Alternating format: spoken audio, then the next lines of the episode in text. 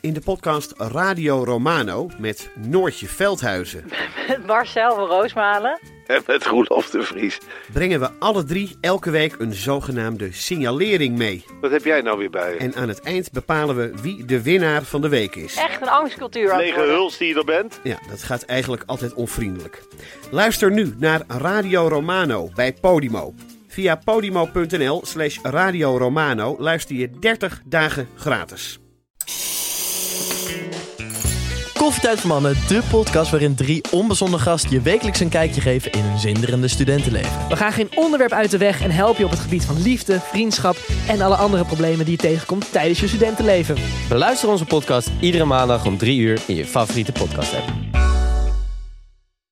Ik moet Wel cool dat jullie het gewoon hier doen. knopjes draaien. Ja, want waar maak jij het dan? Eh, in de studio in de Tweede Kamer. In de Tweede Kamer. Ja. Niet Die had NRC niet al. vanaf de redactie van de NRC. Oh god, daar moeten we het even over hebben. Hier verheugde ik wel heel lang op. Oh ja? Je wel de verkeerde voor? Je had je eigenlijk Thomas moeten uitnodigen. Oké, nou ja. Ja, dat klopt. Maar ehm Ipe begon hierover in de aflevering die wij maakten met, met Aaf. Ik heb alles gehoord. Dit, oh god. nee. Oké. Vorige Jullie kunnen nog wegrennen. Vorige week eh, ging, ik, ging ik zitten met eh, Alexander Klupping en zijn vat voor de podcast over media die zij maken. En die neem ik op. Ja.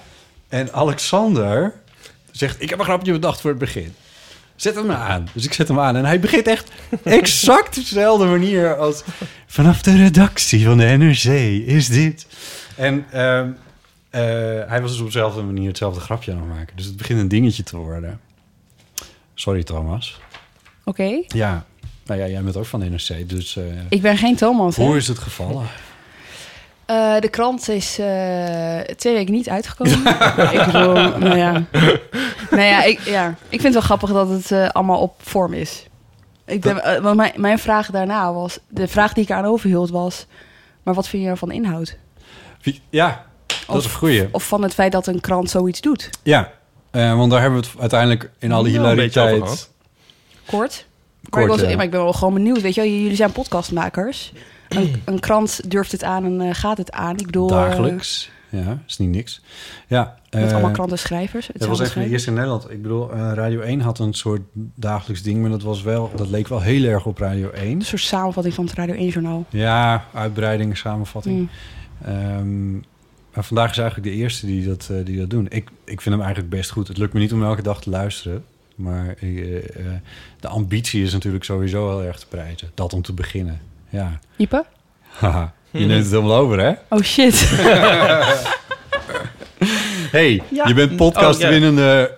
Je bent, hoe heet dat? Je bent award-winnende podcast host of je bent het niet. Ja, het precies. Ik moet het wel waarmaken Ja, natuurlijk. ja, Ja, ja. Dus, nou, nou Ipe. hebben wij hem vorig jaar ook gewonnen. Ik eh, ben het daarmee eens. Die ambitie is zeker te prijzen. Ehm, ik heb dus, dat zei ik al, nog misschien een beetje moeite met de onderwerpskeuze of zo. Mhm. Maar dat ik kan ook een soort verwachtingsding zijn.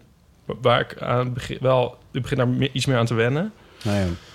Eh, Wat, wat, wat was je verwachting? Gewoon echt op de actualiteit. Ja. En dan heel vaak heb ik iets in mijn hoofd van... dat wil ik dan vandaag horen en dat is het dan Mhm. elke keer niet. Eh, maar dat is... Dat begin ik... eh, Dat begin, daar, daar, daar wen ik aan, zeg maar. Maar ik luister ook niet elke dag, hoor. Ehm, nee, en zeker vind ik het te prijzen... dat daar op ingezet wordt. Ehm, Het is toch eigenlijk ook gewoon ja. leuk dat er een toontje in zit. ja, nee, dat vind ik ook. Ja. Ja. dus dat, volgens mij is dat... Je moet dat niet zien als een... eh, veroordeling. Het maar gezellig. Ik geniet daarvan. man, man. Nee, maar echt zo. Het was geen veroordeling, het was gewoon eh, opbouwende kritiek. Nee, ook, ook niet. Ik vind het gewoon wel heel, ik vind het gewoon heel grappig. Het is gewoon grappig. Als hij, Maar- op, de, als hij op de volgende Radio 1 nieuwslezer had geleken met zijn toon... dan was het toch ook niet goed Ja. geweest. Laten we Ja, wel wezen. Ja. Ja, maar wat we wel zeiden van het lijkt wel... Het is natuurlijk ook wel heel erg de daily-achtig of zo. Ik mis misschien nog iets, iets on- onderscheidends. Ehm, Ja. Dat is het een beetje, maar... ehm, ik, eh, want de NRC heeft heel veel podcasts. Drie. Ja. Oh, drie. Ja, dat zei, dat zei dan... Oh, dat ken ik ze allemaal. ik had het idee dat, ik, dat, dat er dan ook nog tien waren die ik niet kende of luisterde. Nee, weet je dat het originele idee was dus toen op de krant van... eh, eh, we begonnen met eh, Haagse Zaken. Eigenlijk begonnen we daarvoor al. Hè? Guus Ja. Valk met de VPRO. ja, en er is nog een cultuurpodcast geweest. Ja, Haagse Zaken was wel voor de cultuurpodcast Ah, kunst. Ja. maar ehm, het idee was we willen meer meedoen. En toen zijn ze bij... eh, verschillende- het eerste idee was om bij verschillende redacties podcasts te gaan maken. Dus Ja. NRC Binnenland, NRC Buitenland, NRC Sport, NRC... Oh, ja. Weet je wel? Oké. Dus, Dus, ja. ehm, dit Elk is het- zo'n beetje. Ja, maar dat zou natuurlijk weer veel te veel worden. Dus dit is een soort van product. Ja. Na lang nadenken. En eh is een Ja. deel van de redactie inderdaad naar New York geweest... om te kijken hoe ze het daar nou aanpakken. Ja. Want het was Oh, oké, allemaal, ze zijn ook eh, echt redelijk geweest. nieuw. Ja, precies. Dus Ah. er is wel over nagedacht. Ja. Maar ja, inderdaad, het lijkt wel op de Daily. Heel erg. Maar Ja. aan de andere kant... Het idee van de Daily is natuurlijk geen rocket science. Ja, of maar zo. ik bedoel- Het is niet super origineel. Als er in Nederland geen, geen kranten zouden zijn geweest... en we kenden de New York Times... en er was nu een NRC uitgekomen zoals die er nu uitziet... dan hadden we toch ook gezegd van... lijkt op de New York Times. Ik vind dat niet zo heel gek dat ze daarop lijken. Het is wel grappig, want, want cultuur zit er dan... Dat, Volkskrant heeft juist eh, Ja. cultuur. Hoe heet hij ook alweer? Gijs Gijs, Groenteman. Groenteman. Ja. Ja. Goed gewoon in de kast. Ja. Ik, ik vraag me dus ook de hele tijd af dan... eh, of er op de binnenredactie ook mensen zijn die denken van... eh, moet dat nou? Al die podcasts, er is nergens geld voor... en nu maken we opeens drie podcasts. Ehm, weet ik niet. Ik ben weinig in Amsterdam. Ik durf dat echt niet te zeggen. Maar ik merk wel, er is echt best wel enthousiasme. Kijk, ik kan praten over Haagse zaken, weet je wel. En daar was dat voor een deel van de redactie, denk ik, echt wel zo aan het begin. hoor. Hmm. Zo van, wat is dit? Ja. Extra moeite. En, eh, en dat verandert ook, omdat ze zien dat het ja, toch wel een groep aanspreekt. En dat er naar geluisterd wordt en dat er op aangesproken wordt. Dus dat zul je jezelf toch ook hebben. Eh, aan het begin is het een soort van, je begint ermee en je Ja. weet eigenlijk niet... Je, ik bedoel, Botti, je bent een van de eerste volgens mij geweest überhaupt. eh, die er echt mee begon. Dus ja, het is iets waar je wat zich moet uitbetalen. Ja, En ja. het is een risico dat je neemt. Ja, Is gewoon zo. En bij de ene podcast lukt dat wel en bij de ander niet. Ik bedoel, Nee. kunst lukte uiteindelijk ja. niet. en nee, precies. Nou ja, Ja, als je het niet er wel. probeert... Oh ja. Ja, Ja, ja. ja. hoe heette die ook alweer? kunst volgens mij. Ik ben het ook alweer vergeten. Nee, ja, Ja. maar ik weet het niet meer. Ja. Zal ik de podcast even officieel openen? Oh ja, Oh ja. doe maar even.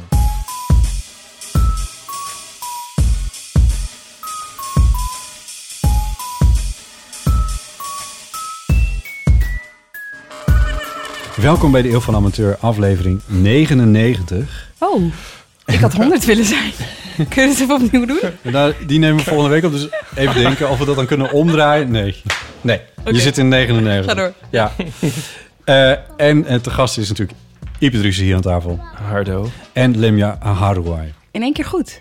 Ik heb geoefend. Goed, man. en ik heb je naam regelmatig gehoord in de podcast Haagse Zaken. Yes. Want daar ben je de host van. Ja. Eh, en je hebt vorige week de eh, Dutch Podcast Award gewonnen voor beste host. Yes. Gefeliciteerd. Dankjewel. Ik zie die van jullie. Kijk ik eh, letterlijk op... eh, Ja, die staat hier te pronken in mijn, op, mijn, op mijn plankje. Ja, ja. ja ik, ben het, ik ben er trots op. Ja. En jij? ook. Ik bedoel, de, dit voelt toch een beetje als een soort van erkenning voor je... ja, toch? nerderige podcastwerk. Ja. zo voelt het wel. Ja. Ja.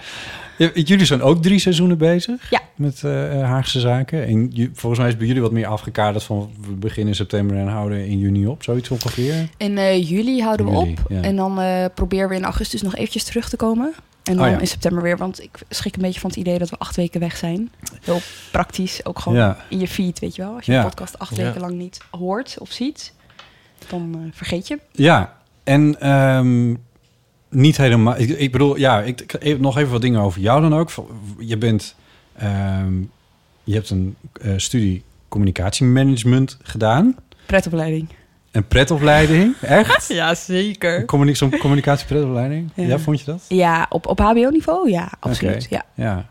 En eh, eh, voor je afstuderen schreef je een scriptie of iets dergelijks over lobbyen, geloof Ja. ik, hè? Toen dacht ik nog dat ik lobbyist wilde worden.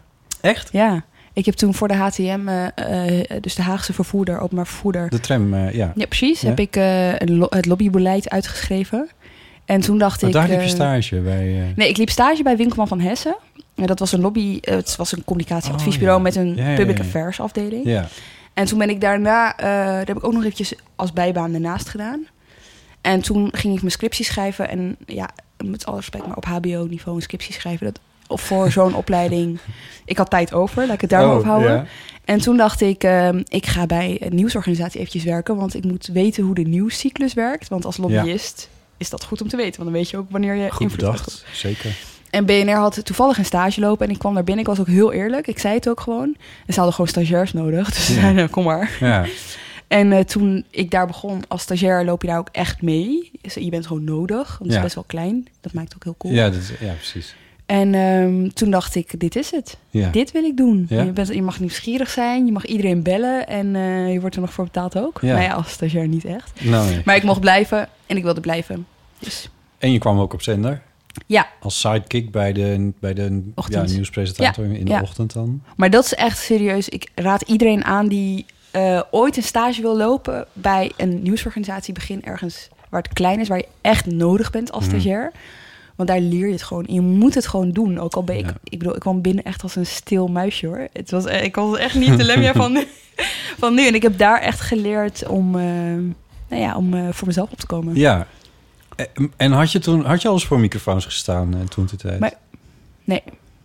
Nee, het was echt... ik weet nog heel goed de eerste keer... was er ergens in Egypte of zo... er was een bomaanslag geweest of zo... en het was echt van, loop die studio maar in. En ik dacht echt, wat, wat, wat, wat, wat, wat? Met niks. Ja, nou, eh, ik had eh, van de Al Jazeera of zo... Ik, ik had iets uitgeprint Ja. en ik dacht, ik ga gewoon. Ik deed het en nou... had je Oh, dat ook gehad? ik vond het echt vlekken. fucking spannend. Ja, het was ook spannend. Ja. Ik bedoel, Maar dat ging goed. Ik bedoel, hoe lang ik heb het overleefd. is Ja. het nu nog spannend? Of ik bedoel, wel eens. Eigenlijk voel ik altijd nog wel een soort van gezonde spanning voordat Ja. die microfoon aangaat hoor. Maar niet meer zo erg als toen. Aan het Nee. begin was het echt wel eh zweet in de handen en eh, Ja. Ja, maar dat is ook meteen live. Ik bedoel, dat is, dat is ook nog wel wat anders. ook dat, zeker. Ja. Dat speelt echt een rol. Je bent je gewoon bewust van het feit dat er aan de andere Ja. kant... Maar dat vond ik tegelijkertijd heel leuk. Dat er op allerlei verschillende plekken mensen aan het luisteren waren, Ja. weet je wel? Dus weet ik Ja, veel, in de auto, op het werk. eh. Ja. Ik heb altijd fascinerend gevonden. Ja, toch? Ja. Ja, te gek. Ik had dat, ik had dat laatst bij Tijd voor Max. Was je bij Tijd voor Max? Wat deed je daar? Oh, boekje verkopen. Een boek promoten met eh Jonica Smeets.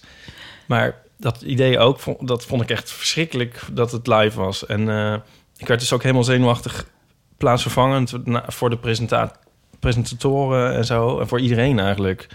De hele tijd dacht van...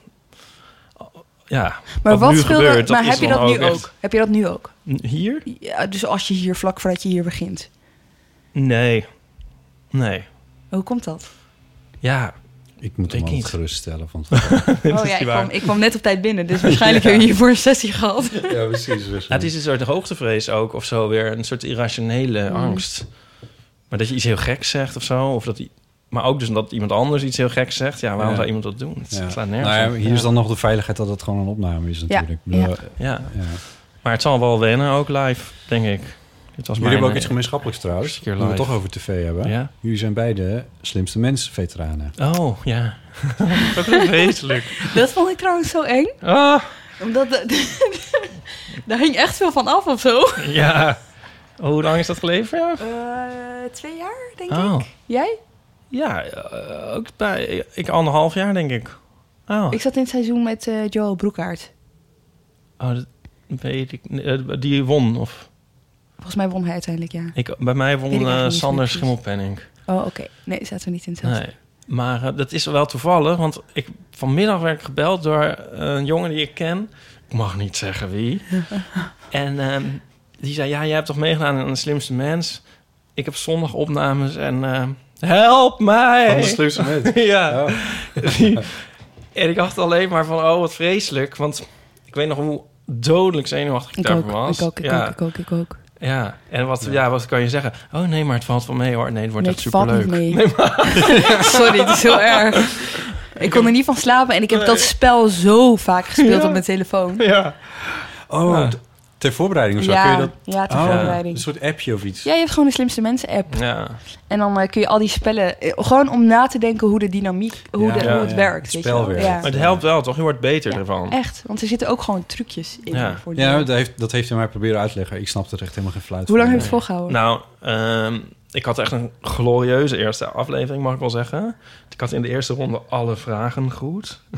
Shit. Oké, ik kan ik niet over meepraten. maar eh, de tweede, toen eh, ging ik eruit in de finale. Toen had ik een beetje pech ook. Tenminste, in de eerste had ik ook een beetje geluk. Eh, en, de, en de tweede, dat vond ik dus ook irritant. Want in die, die finale had ik eigenlijk niet geoefend. En dan moet je ook een beetje tactisch zijn en zo. Met, dat je even onder iemand... Zo, ja. ja. En had ik dus niet geoefend. Dat ging ook dus meteen mis. Dus daar baalde ik wel een beetje van. En jij? Ik heb de eerste gewonnen met die seconde. eh, Ja? Met, met dat trucje. Ja, wat goed. En ik voelde echt overwinnaar. En toen Ja. gingen we de tweede opnemen. Toen heb ik verloren. En ik heb verloren van die, hoe heet die 3FM-DJ met dat lange haar? Oh, Frank van der Lende? Ja, Oh, en ja. daarna heb ik hem nooit meer gezien als dezelfde. Ah, ja, ik vond dat echt erg. ja, ik, vond, ik verloor van, eh, van die... Nou, in mijn finale zat ik met Thijs Boontjes. En Sander Schimmelpenning, die won dus die aflevering. En die won ook uiteindelijk het hele seizoen. Dus dat was dan een troost. Verliezen van een winnaar is minder erg, bedoel je? Ja. ja. Ja, het is ook, hij was gewoon, gewoon... Hij is echt heel slim iemand, is dat. Of ja, hij weet ook veel. Maar ehm, het is wel grappig, want in het begin... Ja, ik, ik, kreeg het er allemaal... Het is gewoon heel, heel, heel vreemd iets. Dus ze zeiden van, oh ja, je moet er niet eh, te lang over na blijven denken, hoor. Want er zijn dus schijnbaar kandidaten die, die tien jaar later nog steeds gefrustreerd zijn. Huh, oké, nee, dat... Nee. eh, nee, dat nee, heb ik ook niet. nee. Dan ga je geen last van krijgen. maar ik schaam er wel een beetje of zo. Hoezo? Ja, ik weet niet. Ik vond toch wel... Als ik, als ik die eerste aflevering af was... Weet je, als ik het toen Ja. al... Dan had ik er nooit meer over willen praten, denk ik. Ach, Ik kan niet zo goed tegen mijn verlies. En, ehm, maar met de tweede dacht ik... Oké, dit valt nog wel... Het valt Ja. wel goed te praten, maar toch, het voelt wel een beetje rot. Maar Oh. is dat omdat je ambitieus bent? Omdat je dan ook echt wil winnen? Ja, eigenlijk wel. Ja. ja, ik vond... Slechte Ja, karaktereigenschappen, ja, maar ja. Nou, een- als je echt er eentje maar hebt, dan is, zou ik dat misschien ook wel vervelend vinden. Maar dat moet ik ook weer niet hard op zeggen, want ik ken ook weer mensen die dat hebben gehad. En die zijn ook heel goed en mogen er ook zijn. Heel knap. maar eh, nee, ja, het is, ook maar, het is ook maar een spelletje. Maar dit is, je bent bang dus om, om echt... Het ligt ook een beetje aan hoe het gaat natuurlijk. Als, je, als er iets is en dat weet iedereen of zo... en je weet het niet, dan is het weer stom. Maar ik, ik ging af op dingen als... van wat weet jij van Chantal Jansen? Ehm, nou, daar wist ik Oh. dan niks van. En dat vind ik dan niet om snob, snobistisch te zijn... maar ik bedoel, dat vind ik niet zo erg of zo. Als het, Het is weet je wel... snobistisch natuurlijk, hè? Nou, ja, een beetje, ja, misschien, maar... Wat weet jij van Chantal Jansen? Ik weet echt geen Wat, hè? Musicalster, Nou, dat, dat, dat was- dat ik, televisie, ja. Ze heeft een tijdschrift. Ja, blond, Hè? Blond. Ja. eh, Schijnt grappig te zijn. Schijnt grappig te zijn. Dat is vast niet iets wat goed gekeurd wordt bij zoiets. Weet ik niet. Ik zou eigenlijk Ik niks heb van horen zeggen dat. Musical wist ik al niet eens. Een Ja, tijdschrift daar wist ik komt niet stof eens. van... Er komt stof van... Ja, ik kijk jou aan, maar ik weet niet eens of jij dat weet. Ik Ja, weet het echt niet. anyway. Maar eh Ik Botte, jij bent, je moet dus nog. Nep. Ja. Nep, nep, nep, nep. Ik heb één keer samen dus met. Iep aan een televisiespelletje meegedaan. Dat was ontzettend leuk. Welke? Eh, de Tafel van Taal. Onder leiding van Margriet van Linden. En eh, georganiseerd en opgezet en bedacht volgens mij ook nog door eh, JP Pellemans. De JP van Lingo. Ja. Ehm, en eh, dat was heel leuk. Het was ook leuk om dat samen met Ipe te doen. Dat is ook alweer twee jaar geleden volgens mij. Ehm, Kon je iets winnen? we, hebben het, we hebben het verloren, maar wel echt op een... Op een op Eén een- seconde. Op één seconde. Nee, we hebben één aflevering gewonnen. Ja, En de tweede hebben we op één seconde verloren. ja, en het was een... eh, Het was een, Story of your life Ja, wel dit. ja. interessante, is je patroon. inderdaad. het was een interessante ervaring, maar ik, eh, ik dacht, eh, ik wil gewoon... eh, ik, ik, Maar wil, dat was ook heel ik, zou het wel, ik zou wel weer in zo'n spelletje willen, maar dan als Margriet van der Linden, namelijk de Oh, presentator. ja, ja, ja. Dat is echt een Ja. rol waar ik me zo comfortabel in voel. En als deelnemer, ik ben ook niet geschikt als publiek of zo. Dat is echt, dat vind ik helemaal niks. Ja. Nee, een microfoon in mijn handen hebben, dan, eh, dan vind ik het leuk. Maar Anyway, als die slimste mensen, als dat, als dat live zou zijn geweest, dan zou ik dat zou ik niet aankunnen. Ik ook niet, denk ik. Dat, kan, dat zou ik echt niet. Nee. nou, dat dit is niet live, zijn. dus dat Nee. scheelt alweer. Ik ga jouw aflevering Knippen jullie live, eh, hierin? Knippen jullie eigenlijk in? nou, alleen als het echt heel erg raar wordt. Maar over het algemeen is zeg maar het begin en het einde wel eens een beetje om het wat vlotter te krijgen. Maar eh, tussendoor, nou, bijna nooit. Ik ga jouw aflevering even opzoeken. Oh shit. Alles staat er al uit. Is dat allemaal nog online? Ja. Oh, cool. Kan alles zien. Leuk. Om je cv af te maken, ja, eh, je ging een column schrijven bij NRC. Ja. Hoe belandde je bij NRC? Hoe is dat? Want een column bij NRC, dat is nogal wat. Dacht ik ook. Ja, oh, Ja. dacht je. Ja, nee, ja, nee. Zie je, nee eh, Mark Savan was eh, weg. Ja. eh gaan bij NRC, dus hadden een plek. En, ehm, Nou, dat zijn eh, redelijke schoenen. Dus dat wilde ik ook niet. Ik werd toen van, en toen dacht ik van, nou, dat, laat ik dat maar niet doen. Want ik dacht ook, dat is gewoon, dat, dat, Nee. dat wil ik niet eens. Nee. Eh, maar toen was wel het idee van, eh, schrijf eens af en toe een stuk. Zo begon ik ook, af en toe een Oh ja. opiniestuk. Gewoon om te kijken of het was wat voor mij was en Ja. hoe ik dat dan vond. En op die manier ben ik erin gerold. Ehm, en daar heb ik een tijdje gedaan. Ja, 2,5 jaar volgens Ja. mij. Dat is best wel een periode. Ja, eh, om de week. Ja, en dat sloot je af met... ehm, eh, ik ben een beetje moe van opinies en ook van die van mezelf. Ja. Dat vind ik toch wel grappig, want dan zeg maar... Je, je begon met het idee van ik word lobbyist. Toen werd je opiniemaker en uiteindelijk kom je dan bij de journalistiek terecht. Er zijn zoveel mensen die die carrière echt lineair de andere kant op maken. Ja, ik denk dat ik daar ook wel een beetje achter kwam. Dat ik gewoon vond dat ik eh, te, mm, eh, te onervaren is het niet helemaal, maar dat ik te weinig had meegemaakt om elke om, om de week in de krant een eh, stuk te schrijven Oh. over wat ik van de wereld vond. Ehm, kijk, eh, dat was, ik, heb een, ik heb een paar zomercolumns gedaan voor Trouw een tijdje. En daarna kwam dit. En ik, ik, was, ik werkte toen al in de journalistiek, want ik werkte gewoon bij BNR. Ik deed dit tegelijkertijd. Ook Ja. dat wrong soms een beetje. Vooral toen ik in de ochtend sidekick werd. En ook halve presentatie erop Ja. nam. En dan, weet je wel, dan zit je ondertussen, schrijf je in de krant. En ik merkte dat meningen in heel korte tijd in Nederland echt steeds belangrijker werden. Ehm bijna heilig werden verklaard, weet je wel. Hm. Kijk naar sh- talkshowtafels. Kijk naar hoe media zich ook vaak lieten leiden door wat opinies. Ja. En eh, dat allemaal bij elkaar opgeteld. Ehm, ja, ik was er gewoon klaar mee. Ja. Was er één moment waardoor dat kwam? Of één, was dat een realisatie over lange Nee, het, het was een realisatie over een lange periode. En ehm, er ontstaat iets heel grappigs op het moment dat je columns gaat schrijven. En dat is dat talkshows je gaan bellen. Mhm. Over, eh, in mijn geval echt wel... Ik werd echt getypecast vaak op onderwerpen. Je kan wel raden, als het over islam ging... als het over eh, Marokkanen ging, als het over minderheden ging. Hmm. En dat vond ik echt best wel erg, want ik schreef echt niet altijd alleen maar over die onderwerpen. En Nee. dat zei ik ook vaak aan die talkshow of aan die, aan die redacteuren, weet je wel, van luister. eh, Ja, ik weet in welk, welk bakje ik zit bij jullie. ja, maar- precies. Ja. Ehm, en ehm, ik merkte soms ook dat, ook al had je ergens niet over geschreven, maar ze associeerden je daar nou eenmaal mee, dus kom maar gewoon, weet je wel. En ik dacht echt, wow, weet je wel, de impact van zo'n aflevering is wel groot. Ja? Eh, nou, je zat bij de Wereld gewoon, Draait Door eh, bijvoorbeeld. Ja, maar waar Ja. zat ik toen over? Over een Ja. heel ander onderwerp. Ja? Eh, ja, want het verhaal dat daarover afging is... ik werd vaak gebeld door de Draait Door... en dat ging echt van fit naar twee tot burkini, zeg maar. En eh, ik werd op een keer heel boos. Toen zei ik, bel me niet meer. Echt, hang op, verwijder mijn telefoonnummer. Ik wil Oh, gewoon niet meer gebeld. En de grap was dat ik de volgende dag weer werd gebeld... en ik zag het nummer ik dacht echt zo, die heeft ballen, weet je wel. ik weet niet wat ik nu nog kan zeggen. Ja. En ik nam toen op en ik was echt niet zo aardig. En toen zei die redacteur, eh, ja, je hebt geschreven over... Er was toen eh, iemand van de Storm Lake Times. Was een heel klein krantje en die had een Pulitzerprijs gewonnen. Ja. En ik had die hoofddirecteur gebeld, want ik vond het gewoon geweldig... dat zo'n kleine krant zo'n grote prijs kon Ja. En daar had ik mijn column over geschreven. En daar mocht ik over aankomen schrijven. En dat voelde echt serieus voor mij... alsof ik een berg had verzet. Het voelde als een fucking overwinning. Ik bedoel, mensen thuis zagen gewoon normaal gesprek. Maar voor mij was het, hè, hè, het is Ja. me gelukt. Ik kan er eindelijk een keer over iets anders komen praten. Maar ik denk ze- Oh, dat God. al die frustraties, Ja. eh, eh, weet je, het zijn allemaal kleine druppeltjes geweest, Ja. waardoor ik op een gegeven moment dacht, ja, eigenlijk heb ik hier maar geen behoefte meer aan. Nee. En dat is dan... Ik bedoel, meningen blijven natuurlijk wel in het rondvliegen. Je consumeert ze wel, zou ik maar zeggen. Ja, Hoe, hoe, hoe is dat? ik heb ze ook heus nog wel zelf, Ja, maar ik hoef ja, ze nee. niet, maar ik hoef Nee, ze nee. niet te delen met zoveel krantenlezers. Maar je wordt, word, word je daar ook niet moe van? Dat gedeelte. Het Ja. passieve gedeelte. Ja, alleen eh, ik, kies ervoor, ik kies heel vaak voor om ze gewoon niet te lezen. Nee. Je, weet je, je kan, je, er, je kan ook voor kiezen om gewoon het langs je heen te laten glijden. Ja. Maar een deelt natuurlijk niet van, vanwege je werk, zeg maar. Mhm. Nee, dat klopt. Maar ehm, ja, daar heb je wel gelijk in. Maar ik kijk er nu anders naar. Ik hoef er zelf niet meer aan mee te doen. Nee. Of mag misschien ook zelfs deels niet, of wel? Nee, eigenlijk niet. Nee. Nee, is niet de bedoeling, nee. Nee. Ik ben eh, zeer neutraal. dat heb je wel goed geregeld. Ja. ja.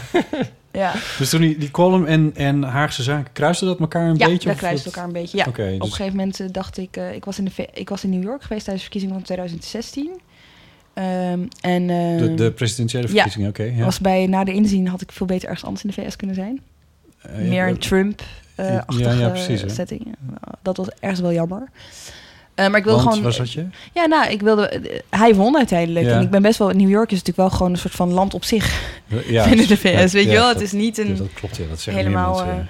Niet, niet Amerika-land. Nee, Nee. nee, Nee. Maar ik wilde gewoon kijken hoe dat eraan toe ging, zo'n verkiezing. En ehm, Was dat dan voor jou net zo'n verschrikkelijke verrassing als voor de hele wereld? ja, het was dus best wel grappig. Ik was bij eh, het feestje van eh, Clinton.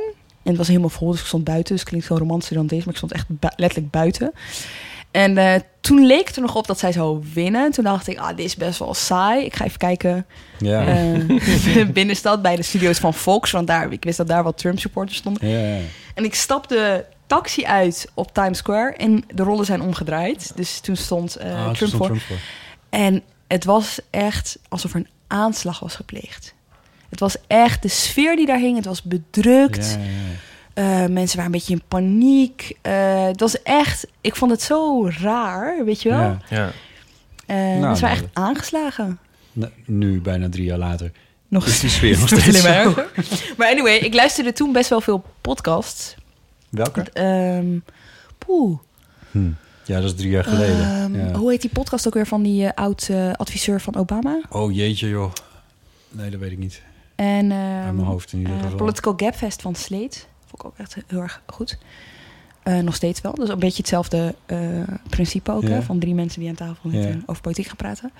Eh, en toen kwam ik terug in Nederland. Dus en, politieke podcast Politieke podcast, ja, ja, ja.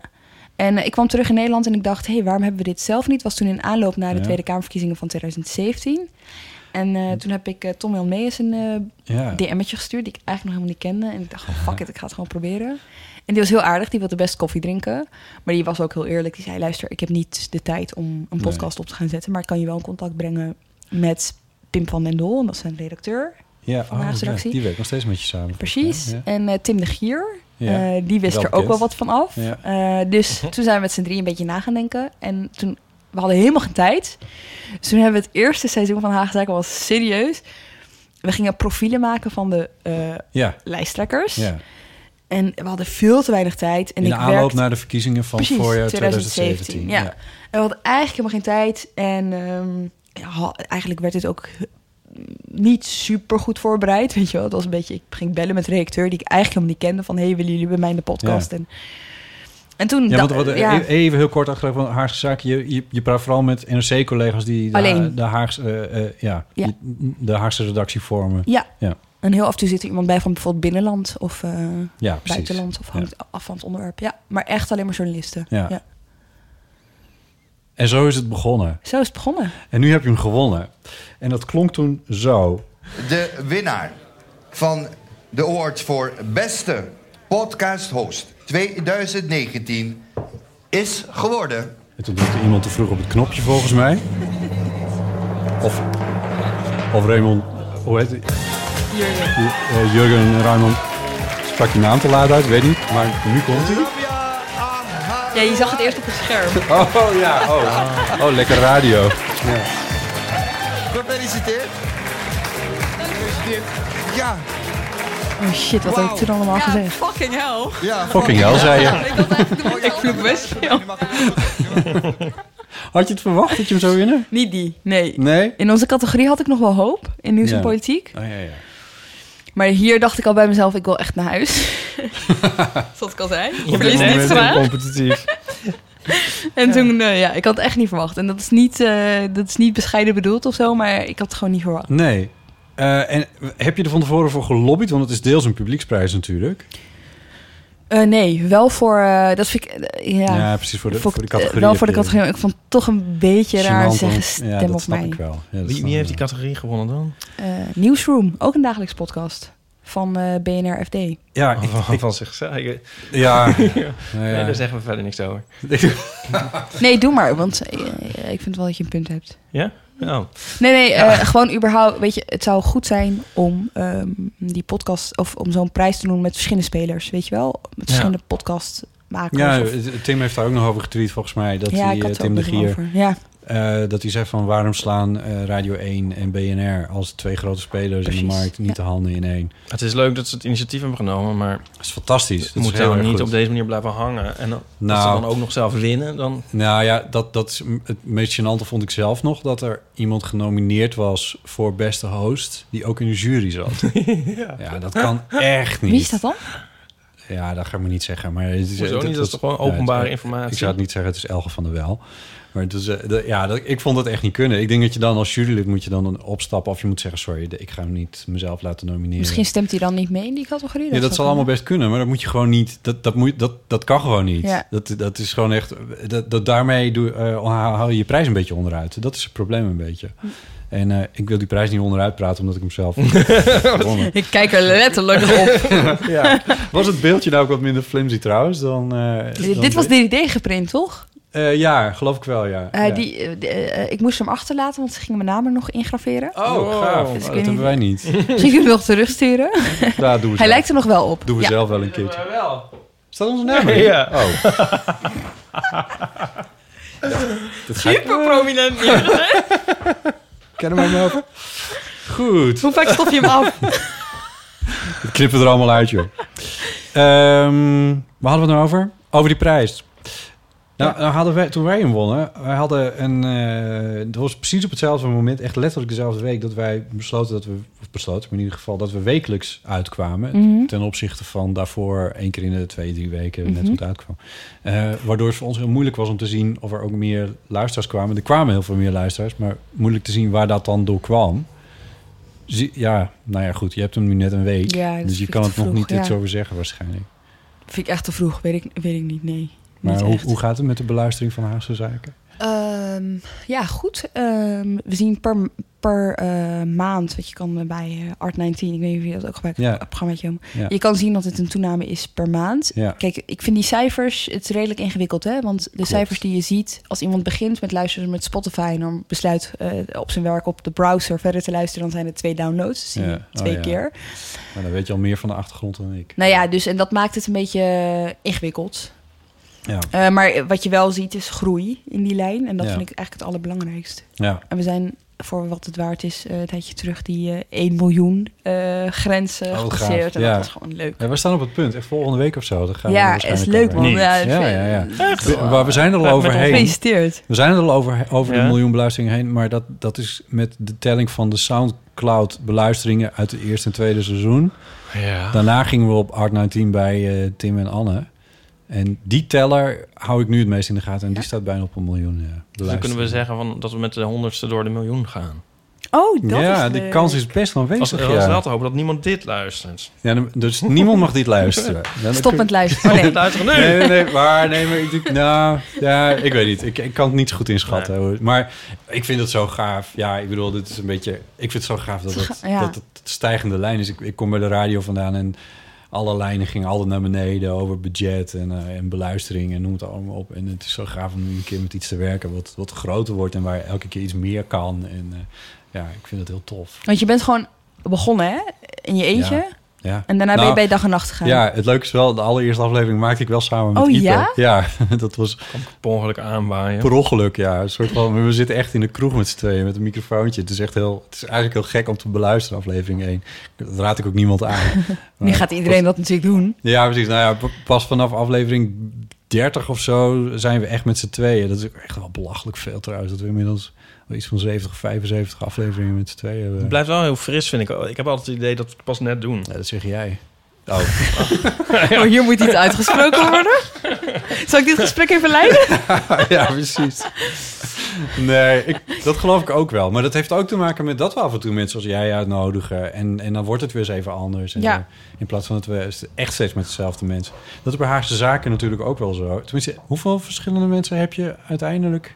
Denk je, met die redactie is natuurlijk niet enorm. Een stuk of eh, met z'n elf eh, in de podcast, ja. denk ik. In verschillende formaties. Ja, nou, dat precies. Dus dat, is, ja, dat blijft ook wel fris. dus elf, dat lukt je 10 en ook wel. 15, ja. Dat zijn genoeg mensen om de afwisseling eh, te behouden, inderdaad. En het zit ook een onderwerp heel erg. Hè? Ik denk dat het mooie van podcast juist is dat mensen het best oké vinden als het dezelfde mensen zijn. Omdat je Ja. daar misschien ook wel een soort van band Ja. mee opbouwt. Ja, ja. Maar het moet meer zitten in onderwerpen en hoe je het opbouwt en eh, dat soort dingen. ja, dus daar denk je wel goed over na, over opbouwen. Ja, daar ben ik zelf niet per se heel goed in, zeg ik eerlijk. Hmm. Ik heb een producer eh, die dat doet. Nu zo'n i- draaiboekje i- schrijft en daar- dat soort dingen is toch? Ja, ja. Wat goed. Ja. Ja. Ja, wij doen helemaal niet aan Dat klopt wel hoor, met die band. Van, van, ehm, en net zoals ik altijd een...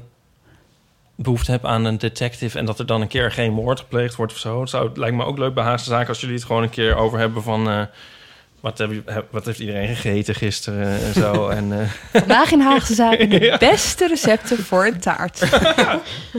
Dat zou je best een keertje kunnen doen. Als er een recess is of zo. In, eh, Haag. nee, dat doen jullie helemaal niet. Het, is eigenlijk heel, het is eigenlijk heel strikt en NRC op een of andere manier. Dat is wel los. Het, is niet, het klinkt nergens gescript of zo. Maar het is wel journalistiek bedoeld. Het is wel echt... Ja, we hebben, we hebben eh, af en toe maken we uitlegpodcasts. Dus dan gaan we bijvoorbeeld een hele partij Ja. doorlopen. Of, oh, eh, jullie poging om het pensioenakkoord uit te leggen. Dat is echt...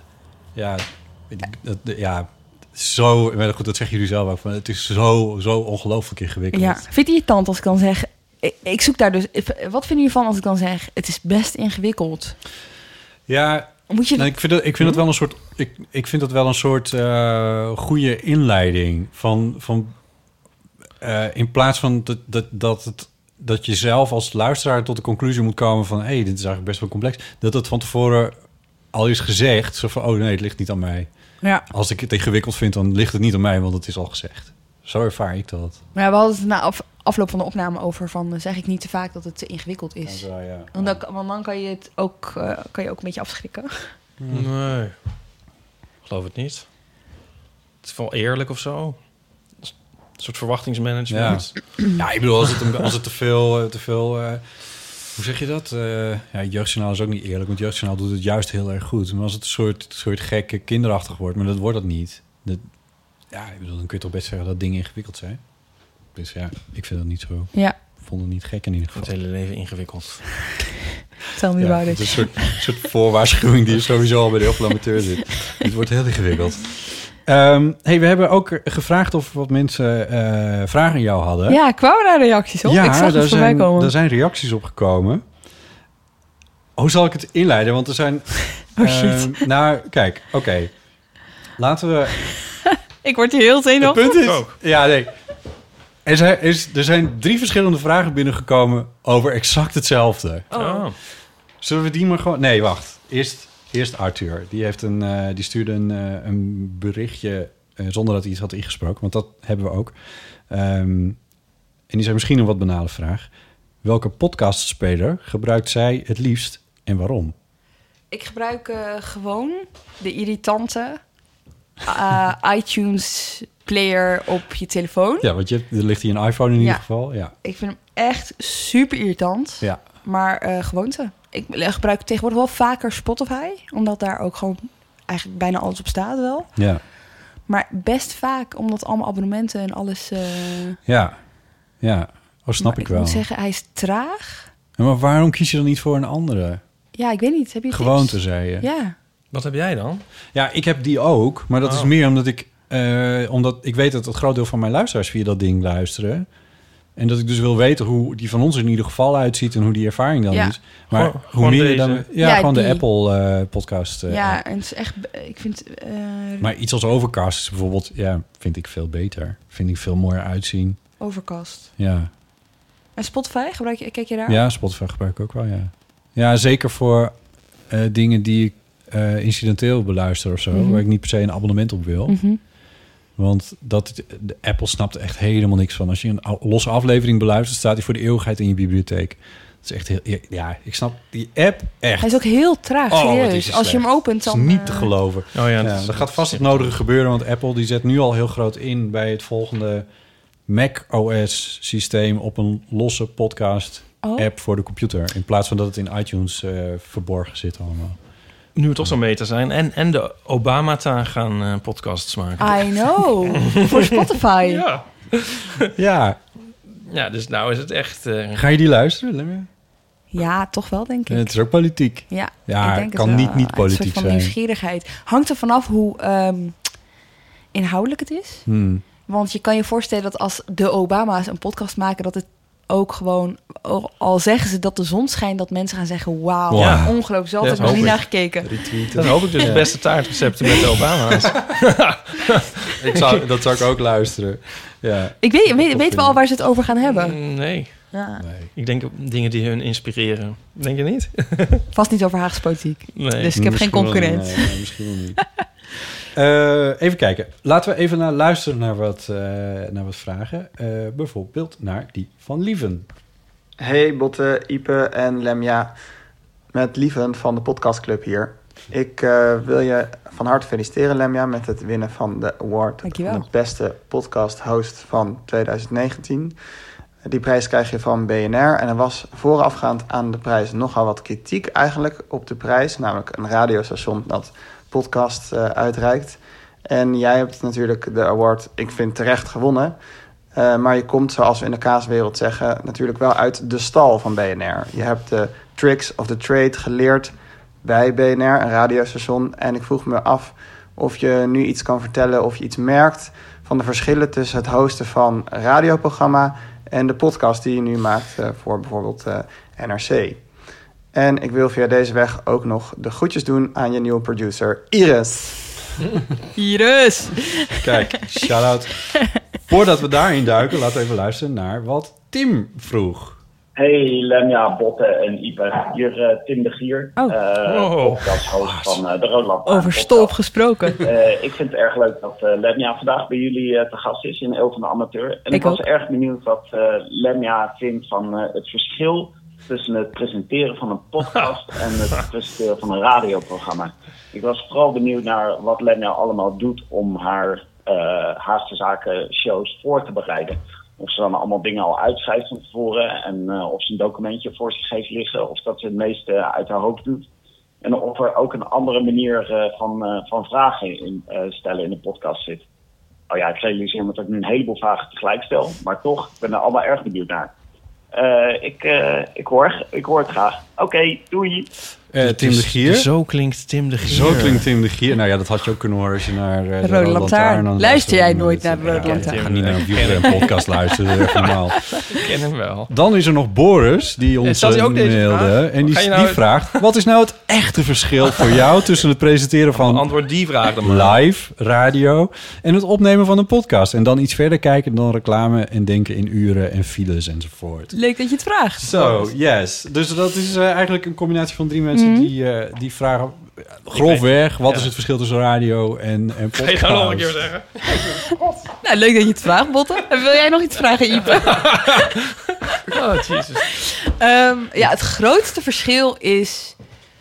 eh, er zijn een heleboel. Eh, dat je de tijd kan nemen is echt wel eh, Ja. belangrijk. Ik bedoel, ik werkte voor BNR en had een gesprek van drie, max vier. Als je er vijf van maakte, kreeg je een boze regisseur. Weet je wel? Minuten hebben we het dan Minuten. over. Ja. Dus de snelheid zat daar heel erg in. Ja. En dat was overigens ook de reden voor mij om te stoppen op een gegeven moment bij BNR. Wel met het gemak erbij dat ik dus al ondertussen de podcast had hè, bij, bij NRC. Maar dat was geen fulltime iets. Maar ik was gewoon een beetje klaar met de snelheid. Eh, terwijl ik tegelijkertijd bij de podcast de tijd kan nemen. Dat vind ik het allermooiste van, eh van eh, podcast. Dat je dus niet op een klok hoeft te kijken. Nee. Kijk, langer dan een uur duren ze eigenlijk bijna nooit bij ons. Haagse zaken Dat vind niet, ik nee. wel een soort van grens. Maar eh, dus dat is het. Je kan er veel meer rust in zetten en je kan zijpaden bewandelen. En eh, dat vind ik heel erg fijn. Vooral Ja. heel veel podcasts zijn redelijk niche. Ik bedoel, wij hebben ook een niche podcast. En we verwachten wel een soort van basiskennis over politiek bij onze luisteraars. En daardoor kan je gewoon een uur lang nerden over Ja. politiek. Ja. Ja, dat Maar wat je zegt over die zijpaden, dat zeg ik ook altijd. Ja. Van het is, het, dat kan bij een radio, kan het, is dat zo moeilijk, omdat je inderdaad met, toch met die be- beperkingen in tijd zit. En als iemand zijpaden gaat bewandelen, daar, ja, daar bloeien gewoon de mooiste bloemen. Ja. Daar komen, en soms is het ook helemaal niks en dan houdt het gewoon weer op. Klopt. Maar gewoon dat er de ruimte is dat, dat iemand zegt van ja, maar ik wil nog even, want ik bedacht nog. En dan weet je, kom maar, kom maar. Ja, ja, en anekdotes zitten, Ja. weet je wel. Er is ruimte voor anekdotes. Ja. Eh, we hebben best wel vaak Mark Kranenburg die aanschuift... die al zo lang op de Haagse redactie werkt... dat hij altijd wel een anekdote heeft over iets wat 10, 20 In jaar geleden... 1978. Snap je? Ja, ik vind dat heerlijk. Ja, ja, ja. Dus dat is het. Ehm, en ik vind het ook heel lekker dat je, nou je hebt ook bij radio gezeten, dat je niet per se op zoek hoeft te gaan naar nieuws. Hmm. Want daardoor is je gesprek per definitie anders. Als je op zoek bent naar nieuws, ga je veel meer afkappen, ga je veel meer sturen richting Ja. een kant. En dat hoeft nu niet, want Nee. ik, ja, ik denk dat dat de grootste verschillen zijn. Ja, ik vraag me ook wel eens af of dat niet een beetje een vergissing is eh, bij, eh, in, de, eh, in de journalistiek. Ehm, als ik, ja, ik vind het vervelend om zijn naam te noemen, maar ik, ik heb hem even als voorbeeld in het algemeen. Maar Sven Kokkelman op de radio hoor. Zo op zoek naar een scoop. En zo, en, dat ik, en, en ik, ik hoor het hem doen. Ik, ik, ik weet precies welke trucjes hij inzet. En dat ik denk van ja. En als ik het weet, dan weet die gemediatrainde persoon die je tegenover je hebt zitten, die weet het ook. Dus het gaat gewoon niet gebeuren. Die, gaat het, die trapt daar echt niet in. Soms, soms lukt het wel. En Ja. eh, ik, denk, ik denk dat het naast elkaar mooi bestaat. Ik denk, ik, ik, snap het wel. Weet je, Ja, je bent een nieuwsradiostation. En ik vind het... Ja, maar hoe vaak... Ik bedoel niet... eh, Ik bedoel, ik kan zeggen dat BN BNR nooit heeft, maar Radio 1 heeft het ook zelden. Dat je denkt van, nou, het is echt een scoop wat ze hier hebben. Ik zat in de auto net, een lang stuk, zat ik naar de radio te luisteren. Naar, eh, ik luisterde naar Ra- eh, Radio 1, Lara Rensen, met eh, eh, de nieuwsbef, of nieuws, nieuws en co. Ja. En ehm, ze hadden een gesprek over dat er nu eh, een rapport is verschenen over dat, eh, dat heel veel mensen die vroeger te maken hebben gehad met, eh, met jeugdzorg, dat die te maken hebben gehad met geweld in elke vorm. En, en nou, die cijfers en et cetera en de minister. Maar wat mij bij is gebleven, is dat ze met een busje ergens stonden. Want ze staan nog steeds met een bus ergens dan. En dan daar zat iemand in die, eh, die een vraag stelde aan een man. En die man die heette Henk. En die had vroeger met jeugdzorg te maken gehad. En die mocht eventjes, en dat was echt een segment van, ik denk wel 10 of 12 minuten. Vertelde hij hoe het vroeger aan toe ging bij hem. En dat hij, dat hij, eh, dat hij te maken had gehad met, een, met iemand die hem had beschuldigd van het stelen van het een en ander. En dat had hij echt niet gedaan. En dat hij het uiteindelijk dan maar toch maar had toegegeven om te ontkomen aan, eh, aan klappen. En dat, hij, eh, dat hij vroeger, als zijn ouders erbij waren of weet ik veel wie... en, en op, moest zeggen hoe het dan op school was... dat hij echt moest liegen over hoe goed en fijn het daar was... omdat hij anders echt klappen kreeg. Menselijke kant ervan. En toen dacht ik, ja, maar dit, dit, dit is waardoor... En ik, ik had de radio al harder gezet voordat ik erover nadacht. Ik dacht van, ja, hier zetten mensen dus de radio harder van aan. Hm. Dit soort verhalen. Ja. Veel meer dan die... Maar dat- vind jij dan niet dat een minister die daar verantwoordelijk voor is... daarop bevraagd moet worden? Ja, vind ik wel. En dat gebeurde ook. Nu in dit geval was het niet zo heel erg moeilijk... want de minister had, trok meteen de Boetekleed aan. Dat is het woord, ja.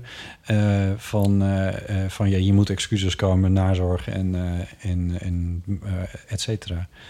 Dus dat, dat was voor de journalistiek viel daar ook verder niet heel erg veel te halen natuurlijk. Maar nou ja, een beetje als verschil tussen het, het, het jagen, het zoeken naar, naar, naar een scoop. Ja. De scoops die ik heb gehad in mijn journalistieke carrière, die, zijn, me- die, die, die vielen in mijn schoot. Het huwelijk van Aven Gijs. Het huwelijk van Aven Gijs. Dat was, eh, dat, Van dat is wie? een- Sorry. Nee. Ja, eh Avan Kortje Gijs, Gijs Groenteman. Oh ja? dat, dat was ooit een aflevering. Het gebeurde in, in een aflevering van de, van de Eeuw van Amateur.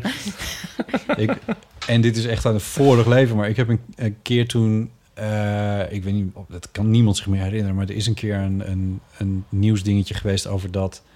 ehm, een officier van justitie die vond dat... Het was net met de opkomst van die, van die ledlichtjes op de fietsen en zo. Mhm. Ineens had iedereen licht op de fiets, want we hadden die ledlampjes. Hadden we. Maar volgens de officiële regels mag een lampje op een fiets moet vastzitten en moet continu branden. En dat deden die ledjes niet, want die hadden we aan onze jassen hangen en eh, noem het allemaal op. En knipper inderdaad. En ik interviewde die eh, officier van justitie daarover en die was er keihard in. En nou, dat werd uiteindelijk dus een, dat werd een 101'tje, zoals het in de journalistiek Ik heb nog heet. nooit een 101 gehad. Nee, ik heb het, ik geloof twee keer eentje gehad. Maar, dat is, maar het is... Weet je, dat, dat valt echt in je schoot op zo'n moment. Dat is echt niet iets wat je, waar ik op jaagde of zo. Of wat er, maar ja, weet je, dat... best- je moet er tuurlijk, alert op zijn. Dat, maar- is, dat wel. Hallo, maar- er is echt veel onderzoeksjournalistiek. En, dat Zeker, Is, en er maar wordt dat vind ik heel veel anders. boven tafel gehaald. Dat vind ik wat anders dan, eh, dan proberen uit een, in een interview iets uit iemand te trekken. Maar hoe vind je dat dan in talkshows? Ja, daar kijk ik dus eigenlijk niet zo heel Ik veel. niet meer. Nee. Nee, dit interesseert me niet. Daar zo. zit dat Niet- ook heel erg uit in, journalistiek eh. oogpunt zijn Of- talkshows of iemand- echt niet interessant. Ja. En toch was er een tijd, ik weet niet of je dat je nog kunt herinneren, maar dat je Pauw Witteman moest je gezien hebben Ja, om Ja. eh, het Ja. nieuws te volgen. Dat was echt een soort van alles aan- bepalende... dat lag aan eh, Paul Witteman. ja, misschien Ja. wel, ja. Ja, ik vrees het wel, ja. En eh, ik, ik, ik vind Jeroen Pauw echt een, eh, echt een fantastische presentator. Maar eh, ja, sorry. Nee, het is... eh, Gek is dat, hè? En De ja. Wereld Draait Door was ook een tijd een soort van agenda-settend programma. Ja, Ja. je mist echt, ik zie het, ik zie Het het, nooit. gebeurd. Je mist er niet zoveel Nee, zie je, ik ben echt Ja. benieuwd wat daarmee... is zijn wij anders hand. gaan kijken of zijn wij andere verwachtingen gaan hebben? Of zijn zij anders gaan denken, weet je wel? Ja. Ik vind dat als ik dat nu nog wel zie, ik kan er echt geen minuut meer naar kijken eigenlijk. Oh, dat moet ik allemaal niet zeggen misschien. De wereld draait door? Ja. Nou, waarom, waarom, Waarom niet? niet? Nou, omdat ik het, eh, Omdat je er nog een keer in wil. dat ik ook nog een keer... ik boek, Oh, leuk. boek- Zo heen ben jij. Maar ik weet altijd net zo, zo Matthijs, love you. ja, Matthijs, love you. Ja. ik vind het net alsof ze daar allemaal gevangen worden gehouden, die mensen. Alsof het een soort... De, de gasten bedoel je daar? Of? Ja, en Matthijs in het Ja. meest. Oh, ja. Alsof het een soort dierentuin is waar ze niet meer uit kunnen of zo. Ook als je dan de tv, als, het, zeg maar, alsof het allemaal doorgaat als je niet kijkt en zo. Het is een soort heel raar hermetisch ding geworden van vreselijkheid. Ja. Dus ja, die kan er echt niet. Wel jammer. Ik vind dat er echt ruimte is voor een goed... Ja, maar je, die dingen, goede, het, het veel te lang door, talkshow. toch? Ja, het het is gewoon helemaal niet fris. Nee. En ik moet zeggen dat ik M nooit gezien heb eigenlijk. Maar ik kan me voorstellen dat het... Maar ik bedoel, ik weet ook nog dat je vroeger... eh, nu klinkt het misschien weer heel oud... eh, had je, hoe heet dat, eh Baand en Van Dorp of zo. Ja. Maar ik bedoel, stel je voor dat dat nog zou bestaan. Dan zou je toch ook helemaal, helemaal, helemaal Ja. gek worden. En dat is gewoon met... Ja, dat wereld daardoor. Dat, dat, Maar er kijken nog steeds een miljoen mensen naar, weet je wel? Ruim volgens mij. Ja. Dus ehm, Ik denk, denk wel eens, het is misschien ook uit er gewoonte. Er kijken ook een miljoen mensen naar het 8 uur journaal. Bedoel, in, eh, Ja, Maar 8 uur journaal vind ik wel goed ja, trouwens. maar ze kijken wel. Maar die impact of zo voel je niet meer. Of is- voelen we die alleen maar niet meer in onze bubbel? Bubbel. oh, bubbels. Kijken we naar jou, want jij zit niet in onze bubbel. Hoe weet je dat? Ja. Ik vind Nieuwsuur overigens wel echt een goed programma. Echt een beetje fan Nieuwsuur? van Nieuwsuur. Ja. Nou, ja, dat kijk ik dan af en toe nog wel eens, Ja. ja. Ja, maar het is weer op een klote tijdstip uiteindelijk. Maar om even terug te komen op wat je zegt, hè? Ja, inderdaad. Daarom heb ik ook geen politie in Haagse zaken. Want ik vind het vaak... valt er weinig te halen uit Ja. een gesprek. Ja, Plus, ik vind ook dat media soms... eh, in plaats van alleen maar op het nieuws te zitten... ook wel wat meer context... Misschien vind ik nieuws hier daarom ook wel goed... Ja. eh, eh, wat meer context of duiding mogen geven... bij een onderwerp dat heel belangrijk is. Dus ja. Als je alleen maar naar het- het nieuws luistert of kijkt of leest... dan heb je heel vaak achter elkaar heel veel nieuws. En dat Ja. komt allemaal op je af. ja. En soms moet je ook iets hebben waar je... ja, wat betekent het? Precies. Nou, dat is niet zo wonderlijk uit de mond van iemand die Haagse zaken maakt natuurlijk. Precies, Nee. ja. Want dat Waar? gaat de hele tijd over Waar, context geven. waar. Ja, maar dat is dus ook echt het idee erachter geweest. Ja, ja. Mooi. Hey, eh, laten we even luisteren naar een, eh, nog een vraag die is eh, ingestuurd. eh, door, we hebben twee Martijnen, maar deze Martijn is dan eventjes... Hoi Lemja. Sinds ik zelf voor de Kamer werk, maak ik momenten mee waarop ik heel blij ben met hoe de Kamer functioneert. En hoe Kamerleden met hun mandaat omgaan. Zeker ten opzichte van andere landen hier niet zo heel ver vandaan. Maar soms gebeurt er ook iets waar je wenkbrauwen erg van gaan fronsen. En ik vroeg me af hoe dat bij jou is. Wat overheerst bij jou? Waar word je hoopvol van en waar word je juist cynisch van?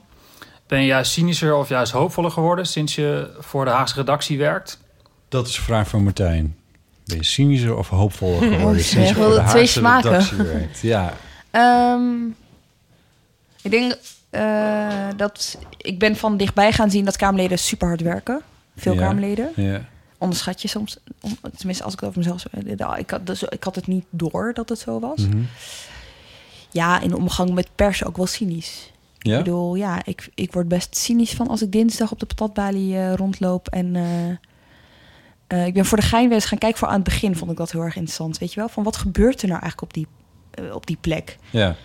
Soms even, je- even voor niet ingevoerd is, is op, op, op dinsdag achter de plenaire zaal is een soort, ja, dat is inderdaad een soort balie. Tussenverdieping is het. Tussenverdieping boven de roltrappen. Ja, dat is de plek waar Kamerleden, fractievoorzitters de Kamer inlopen. Maar hoe noemden jullie die nou? Het. patatbalie, ja, dat ding, Door die ja. die- er is een balie daar. Ja. Oh, maar er is geen patat. Er is Nee, geen patat. Dat was een grote teleurstelling Ja. dinsdag. Ja. Maar daar, daar, daar kun je als journalist eh, de, de Kamerleden treffen. Dus Ja. als je dan in het journaal een quoteje ziet eh, van, ehm, eh, van Ja. Buma of zo... dan is de kans heel groot dat hij daar is opgenomen. Ja. En nou ja, dat vond ik dus heel erg interessant. Er was er iets gebeurd. Iets was de hype van de dag. Ja. Nou, vaak brengt een krant of een medium een politieke hype van de dag op een dinsdag. Omdat ze weten dat op dinsdag iedereen die dan- oploopt. ja. Vragenuur is. Dus Ja. dan kunnen er vragen over gesteld worden.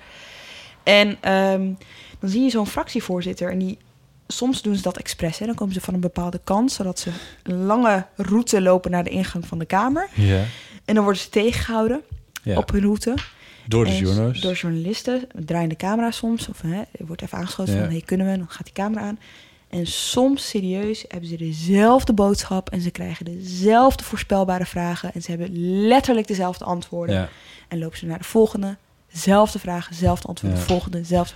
En Met- denk ik soms wel een beetje bij mezelf... waar zijn we hier nou eigenlijk mee bezig? Met het oog op morgen monteert ze wel eens achter elkaar van Ja, verschillende ja.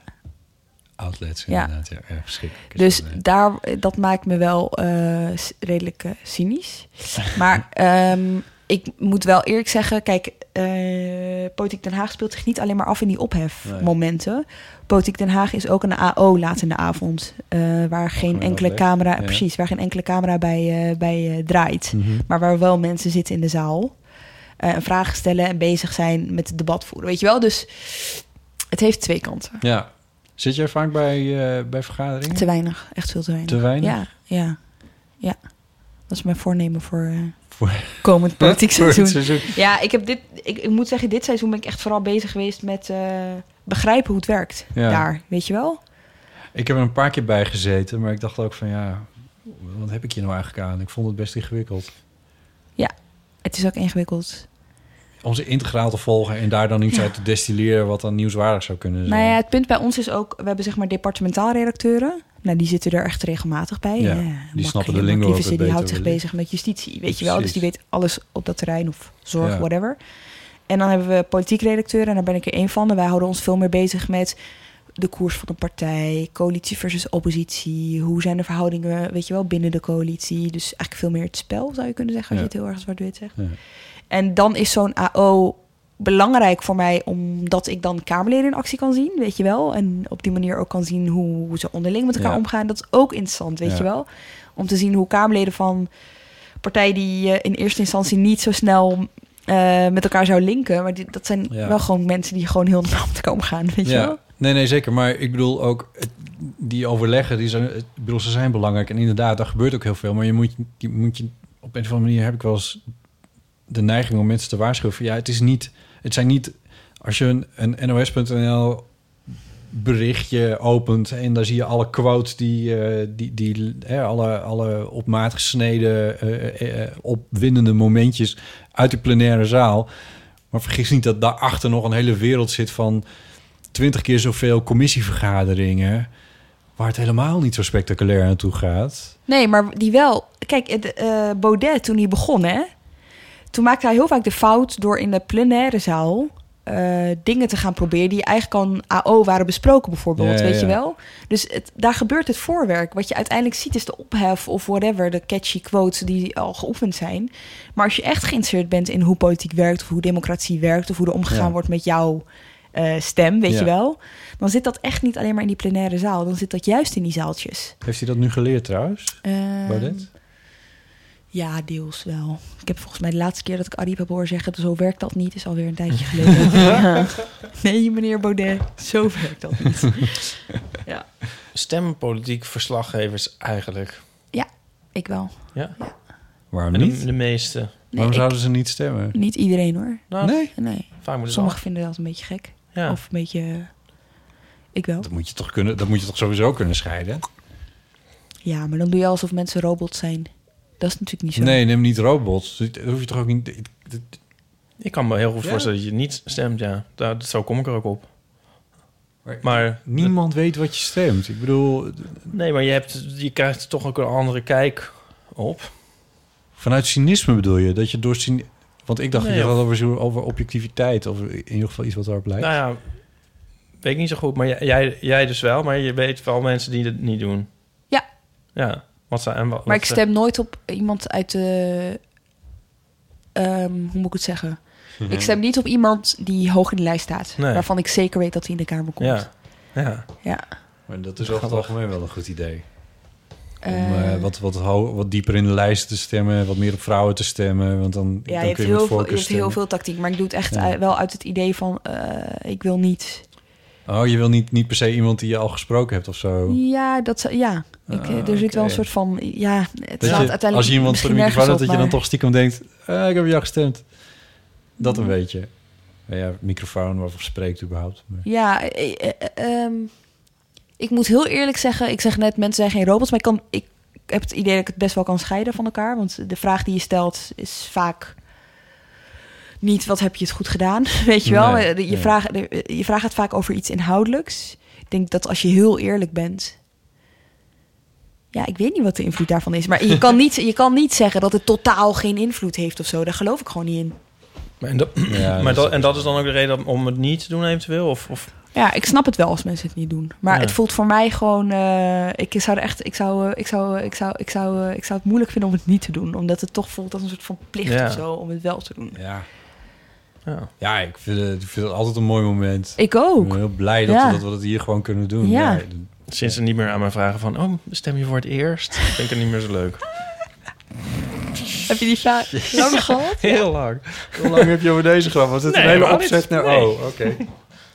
Oh, god. Nou, er was nog een Martijn die een, eh, die een vraag had ingestuurd. Ja, hallo Plantage, hier Bandung, je spreekt met Martijn Maarsen.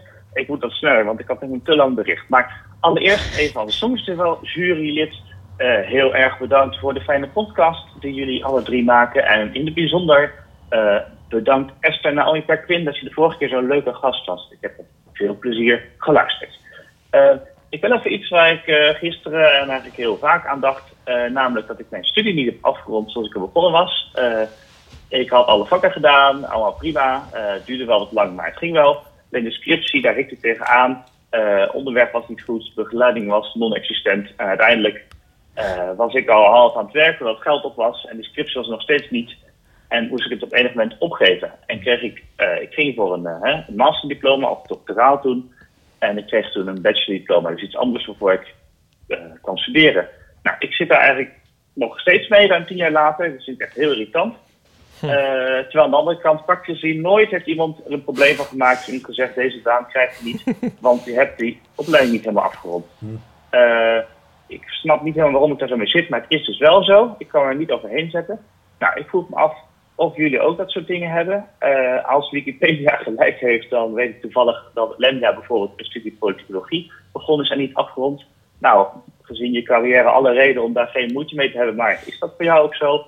En hoe is dat voor jullie in het algemeen? Zijn jullie wel eens iets, hebben jullie wel eens iets niet afgemaakt wat je redeloos dwars blijft zitten? Nou, ik hoop dat het een leuk onderwerp is en eh, tot ziens, dag. Dankjewel Martijn. Ja. Wat een goede vraag. Ja, Eh politicologie, want dan Ja. ben je op een gegeven moment begonnen inderdaad. Ik heb pre-master gedaan. Ik dacht, ik moet toch iets doen. Weet je wel, na Ja. zo'n opleiding. Ja, Eh, maar ik werkte er ondertussen naast. ja. En eh, ik dacht echt op een gegeven moment, waar doe ik dit nou eigenlijk echt voor? Is Ja. dat omdat ik graag ook een master wil hebben gedaan? Of omdat ik dit heel graag wil, weet je wel?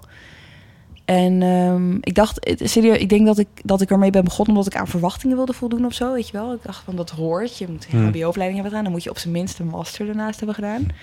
Toen dacht ik, ja, ik ben gewoon al lekker bezig met werken. En ik vind het heel leuk wat ik doe. Ik zat toen bij BNR.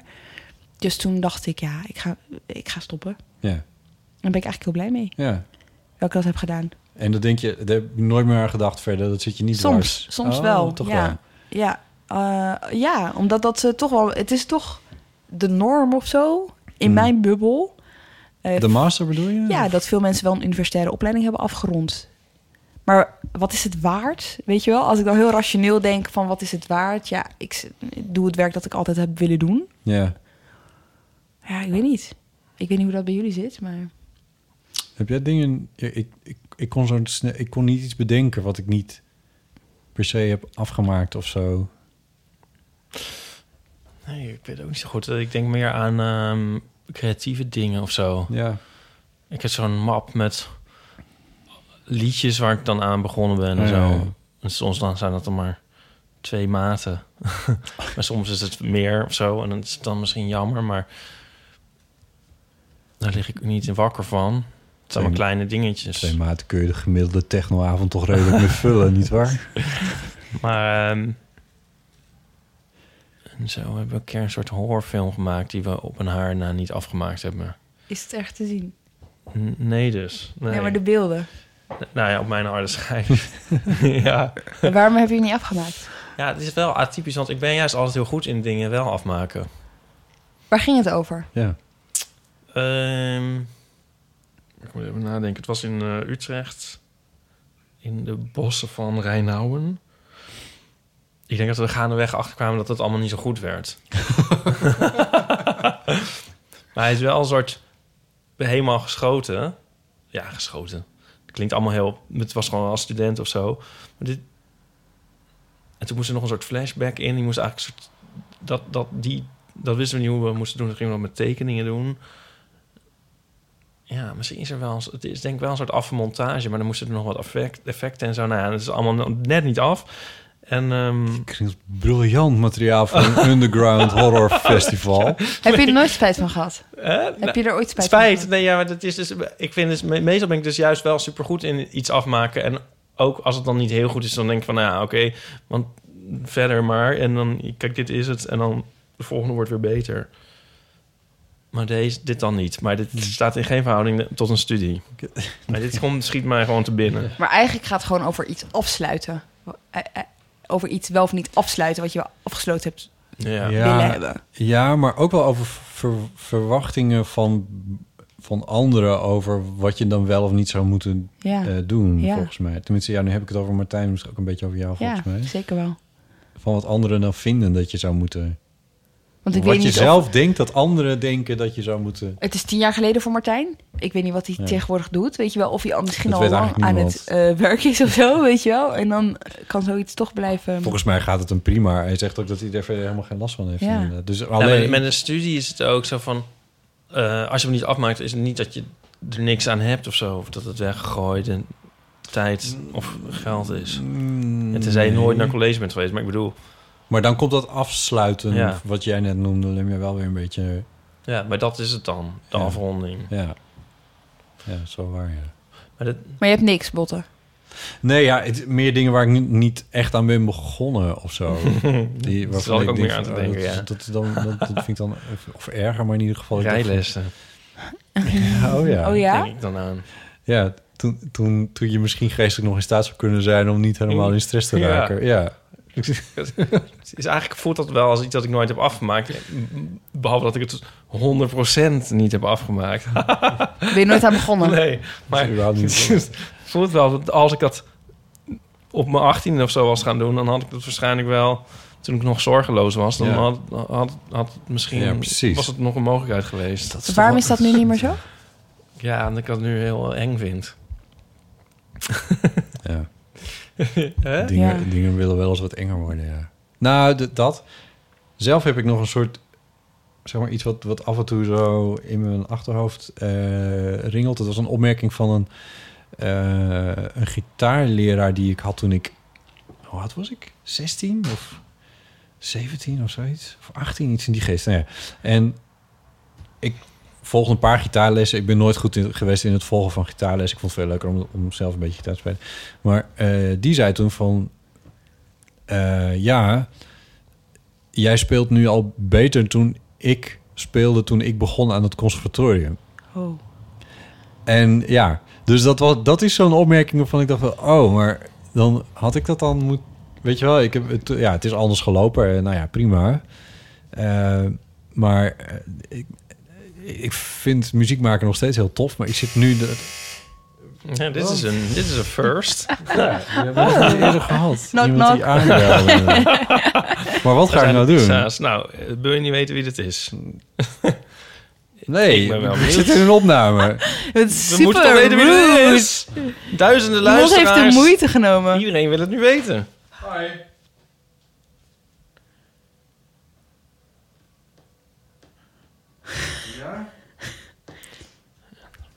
Ja, je kan hem door de deur zetten. Of heb je een handtekening nodig ook of zo? Een pakketje. Oh ja, ik zit midden in een Ah, opname hier. het begint ook te mompelen. Ja, mag hem wel door de deur zetten. Door de deur Door de zetten. deur? Ja, ik geloof het wel. 42D is onder mij, dus ja. Oh, het is niet eens voor... Nee, maar dat zijn nieuwe huurders, dus dat is... eh, ja. Zeg maar wat je wil. Welkom. Kijk je in het leven van Bottje. Dit bedoel ik nou. En dan straks taartrecepten. Het leukste is dat het nergens over gaat. Als er gewoon pakjes worden bezorgd. Krijg jij vaak pakjes voor je buren? Eh, ja. Nou ja, ik heb een heel erg leuke, geweldige postbode. Pakketbezorger. Eh, pakketbezorger. Ismaël. Izzy. Oh ja, je, je, je, je ja, beste vriend. En ik, ik, ik- ja, ik, ik vind het eh, een feest om pakjes aan te nemen. Oh. Oh. Nee, niet helemaal niet op die manier. Maar, Oh, oké. ja. Oh. Hij, is ook, hij, is, hij ziet er ook wel goed uit. Maar hij is gewoon hij is zo aardig en gezellig. En hij weet dus van de hele buurt de namen. Oh, leuk. Van iedereen en zo. En hij onthoudt ook alles. En eh, hij heeft altijd Dat staat natuurlijk wel altijd gewoon voor zijn neus, hè? Altijd leuke grapjes. Ja, nee, maar als je hem tegenkomt, ook in een ander deel van de stad of zo. Ik moest laatst huilen bij een filmpje op Twitter van een mailman. Hebben jullie die gezien? Ging helemaal viral. Die was echt tientallen jaren ergens de mailman. En toen eh, ging je met pensioen. En toen hadden ze een verrassingsfeestje voor hem georganiseerd. Oh. En iedereen kende hem echt zo goed. Ik vond het zo mooi en Oh, ontroerend. Het was echt prachtig. ik heb het niet gezien, maar... Ja. Nee, ik moet Ja. wel huilen. We gaan er even tussenuit. Ehm, ik heb de pakketbezorging niet afgemaakt. Hoezo door de deur zetten? Ja, dan zitten ze het hier in de hal. Maar door de deur zetten? Ja, door de deur. Ja, weet ik veel. Hoe zeg je dat dan? Eh, doe de deur open en zet hem maar in de ja, gang. dat is dus te lang. Dus door de deur. Eh, Ja. Oké, nee, dat kan. Dat mag. Ja, We maar, oordelen niet. Nee, jawel. Ehm, hebben we de vraag van Martijn eh, Ja. eh, afdoende eh, We denken er nog eens over na. behandeld? Luisteraars mogen ook inbellen.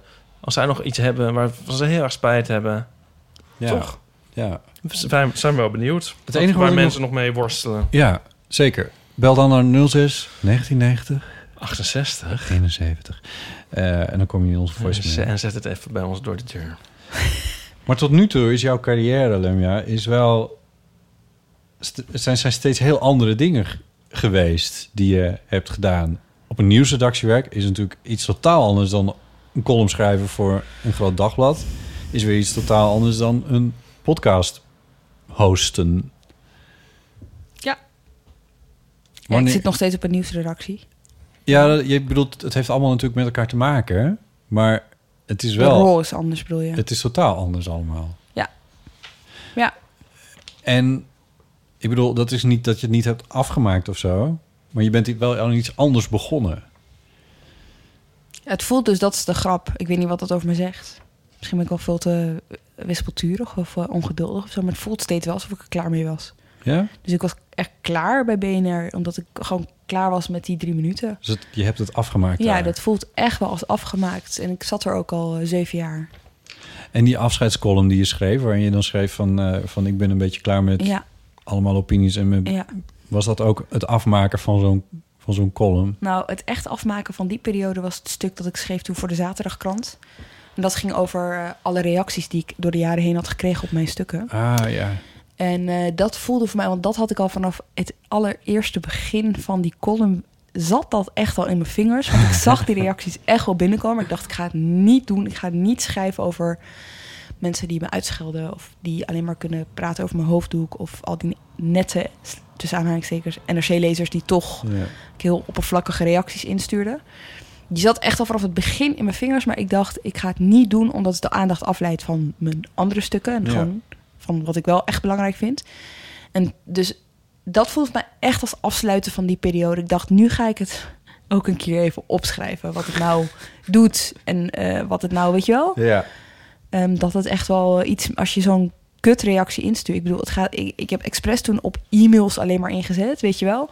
Kijk, een tweetje heb je zo gestuurd. Twitter is een riool, punt. Kun je Ja. niks, hè, dan kun je, dat kun je stom vinden of leuk vinden, maar het is nou eenmaal Ja, zo. maar het is ook snel weer weg. Maar als je de moeite neemt om een e-mail te schrijven, Ja. dan voelt dat, daar heb je zoveel meer handelingen voor nodig, dat dat echt nog persoonlijker voelde of Dat is zo. wel waar, ja. ja. Dus dat voelde zo lekker, man, om dat te schrijven. Mhm. Was echt fijn. En hoe lang ga je door met Haagse Zaken? Ja, nog wel lang. Dat is nog niet op. Nee, dat is echt nog lang niet op. Nee. Maar als er nou weer verkiezingen zijn in de VS bijvoorbeeld, wil je Eh, daar dan naartoe? Misschien. Nou, dan neem ik een paar vakantiedagen op en dan ga ik erheen. Oh, oké, maar dat- het is dat- niet... dat- maar... sluit- sluit het andere absoluut ja, niet uit. nee, totaal niet. Nee, Ik, ga, ik, ik ga hier echt nog wel even mee door. Wat goed. Hey, we hebben ook nog een rubriek die ik eh, eigenlijk voortdurend oversla. Eh, maar- die we toch heel graag eventjes met jou willen spelen.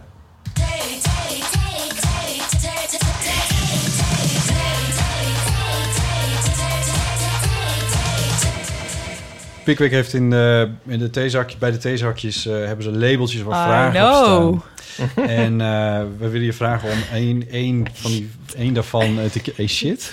ik, ik, ik moet hier even iets over zeggen.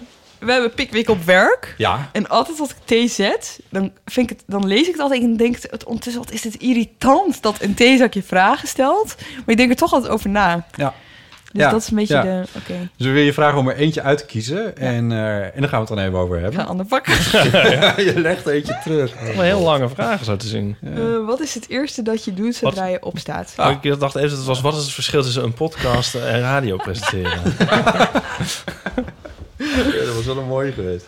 Wat is het eerste dat je doet? Doet, hè? Is het Ja. werkwoord. Ja, oké. Eh, als je opstaat. Mijn wekker uitzetten? Ja, ja precies. Wakker worden. Eh, mijn telefoon Maar checken. Serieus wel. Ja? Ja. Op wat? Berichtjes, gewoon apps, Twitter, alles. Persoonlijke dingen of eh, ja, of allebei. nieuws? Ja. En dan ga ik altijd wel eventjes het nieuws checken. NRC.nl. NRC.nl natuurlijk. Nee, serieus. En nu.nl. Omdat hij wat meer overzicht heeft van al- alles. En ehm, ja, dan eh Niet NOS. usual. Mm, BNR. Nee, of er moet iets... Ik scroll wel even door Twitter. Als ik iets tegenkom wat dan eh, interessant is, dan Ja. kijk ik daar wel eventjes naar. En eh, dan sta ik op. En dan moet ik verder. Nee, ja, nou, ik, ja, nee, het enige wat ik daar... Niet of je dagplanning willen de, weten. de, de, de, de- die handeling is verder niet zo interessant, maar misschien de, de highlights of zo. Maar in ieder geval de... eh, Le- lees je telefoon dan nog in bed? Ja? Oh, liggend en al. Ik, ik zoek altijd naar mijn bril zo, weet je wel. Die is daarvoor nodig. Ja. Die ligt ook ergens. Nachtkastje. Ja, ja, dit zal wel bijna... Ik had dus een tijdje dat ik mijn telefoon in een andere kamer liet... en dan een wekker gebruikte. Maar toen had ik die wekker niet meer... en toen heeft Nico een nieuwe gekocht... maar die is zo ingewikkeld dat dat ook niet werkt. je dat ook al niet? nee, maar het is gewoon heel veel werk om hem te Het is een verzetten. digitaal ding. Doet hij Ja. dat expres, Nico? Ik weet het Ingewikkelde niet. apparatuur kopen. Ik weet het niet. En eh, ja, want je wil gewoon zo'n... Dus nou gebruik ik toch mijn telefoon... en dan lig ik dus ook dan eh, een heb- soort uren soms nog in bed. erg. Ja, ik Ja. ook, voordat ik in slaap val. En ik heb ook heel vaak, als ik s'nachts wakker schrik... dan eh, ga ik ook altijd op mijn telefoon. Ja? Dat is echt heel slecht, ja, maar ik doe het wel. Dat heb ik mezelf nu echt afgeleerd. Wat opvallend. Ja, hij ligt Ja. wel naast mijn bed, maar ik kijk echt. Echt niet? Nee, ik wel. Nee. Ja, zeker wel. En we hebben het net gehad over Pauw. Soms, als ik hem, dan heb ik niet zin om voor de twee te wachten. Maar als Nee. ik dan nog wakker ben... en ik weet dat er een bepaalde gast langs komt... dan ga ik gewoon in bed liggend op mijn telefoon even kijken. Even kijken. Ja. Heb je dat wordt- nooit? wordt- Heb je dan van die regels dat je een half uur voordat je gaat slapen je telefoon Nee, weglegt en nee. zo? Eh, nee, maar wat ik, ik luister naar de podcast van Met het Oog op Morgen elke avond voordat ik ga slapen. En, dus dat is redelijk overzichtelijk. En daar heb je je scherm niet bij nodig. Ja. Dat is wel echt heel erg fijn. Ja. Dus die kan gewoon aan de kant. En dan doe Maar luister je dan live gewoon? Nee, nee, want dat is om te vroeg. Dan lig ik nog niet in mijn nest. Oh. Hoe laat ga jij slapen? Dat begint om 11 uur. Dat begint om 11 uur, maar ik, nou ja, kijk, ik hoef, s ochtends ben ik nooit heel erg vroeg. Ik ga slapen. Ze Iets, bedoelt dat iets dat dat- heel vroeg is. Iets dat half. Iets Hier, dat- ben jij een ochtend- of een avondmens? ja, een avondmens. Maar die. die eh, eh, ben jij een avondmens? Die. eh, ha- nou, laat me nou even. Die podcast van, dit heb ik ook al tot 80 keer gezegd, maar die podcast van Met het Oog op Morgen, die staat dus om zes minuten over twaalf of zo, staat die al, Oh. al in de app. Dus ik kan, ik kan, ik ga een kwart over twaalf of zo ga ik slapen. Ik vind dat dus zo'n fijn programma. Ja, ja ik ook, ben er een enorme fan van. Ik ook. Ja, ja. Dus- het heeft alles. Het heeft rust. Het heeft die krant. Dat vind ik altijd zo prettig. Ja, de eerste, inderdaad, dan ben ik dus ook nog heel erg wakker. Dus het nieuws van de dag, een beetje samengevat. En dan die kranten. Nou, dat, dat weet je al een beetje wat de volgende dag het nieuws gaat worden. Nou ja, dat is overtrokken, maar wel een beetje. Eh, en dan een muziekje en dan misschien nog een politiek eh, verslag. Dat hoor ik dan ook nog. En daarna nog een Als muziekje. je dan nog niet in slaap bent gevallen. En dan een muziekje. En dan komen er, komen er een soort van geruststellende onderwerpen... waardoor ik dan wel rustig kan weg. eh. Misschien zijn er wel mensen die in slaap vallen met de eeuw. Misschien. Ja. Dat is toch met- geen goed teken als iemand in slaap valt. heel vaak tegen ons gezegd, ja. Ze zeggen toch altijd van, oh, ik, oh nee, wacht even. Ik wou zeggen, ik luister het aan de keukentafel, maar ze zeggen altijd, het is alsof ik erbij zit aan de keukentafel. Nou, Ja, nee, nee, ja, mensen vallen heel vaak in slaap. Ja, vind- ja, ik vind het prima. Ja? Ja, ik start altijd heel hard eh tunes in. het is weer wakker. Nee, is niet waar. Maar ik merk wel dat ik, ik luister vaak podcasts als ik kook, maar dan soms ben ik dan, hele stuk heb ik dan toch niet gehoord, omdat ik dan het pakje las of zo. Of, of, of Ja. Nee, ja. geconcentreerd. Wat is jullie Ja. lievelingspodcast? Onze? Beetje Jouw? mijne? Haagse zaken natuurlijk. Zaken. Heel goed. En Nou, fijne dag allemaal. Nee, serieus. Wat, is jullie, wat, wat, waar, wat, wat, luister, je- wat luister jij, Ipe, op dit moment? Wat is jouw lievelingspodcast? Of een genre of zo? Kan Nou ja, ik, ja ik, heb het al, ik heb ze allemaal al eens geplukt hier, maar ehm, ik luister niet zo heel veel hoor. Als je nou geeky dingen gaat zeggen? Ik ga niet geeky dingen zeggen. maar, maar geeky dingen. Wanneer je erover begint. Iemand zei dat, ze, dat hij dacht, de hele tijd, die was er eindelijk achter dat ik, nu we het dan toch over hebben, dat het ging over ki, dat het Jouw was schuld. K-I-K-I. Dat het ging Kiki over ki- dingen. Kiki dingen of zo van een zekere Kiki of zo. Want dat is het dus niet. En nu zit dat liedje van Drake in mijn hoofd. Ja. Kiki, do Oké. you love me?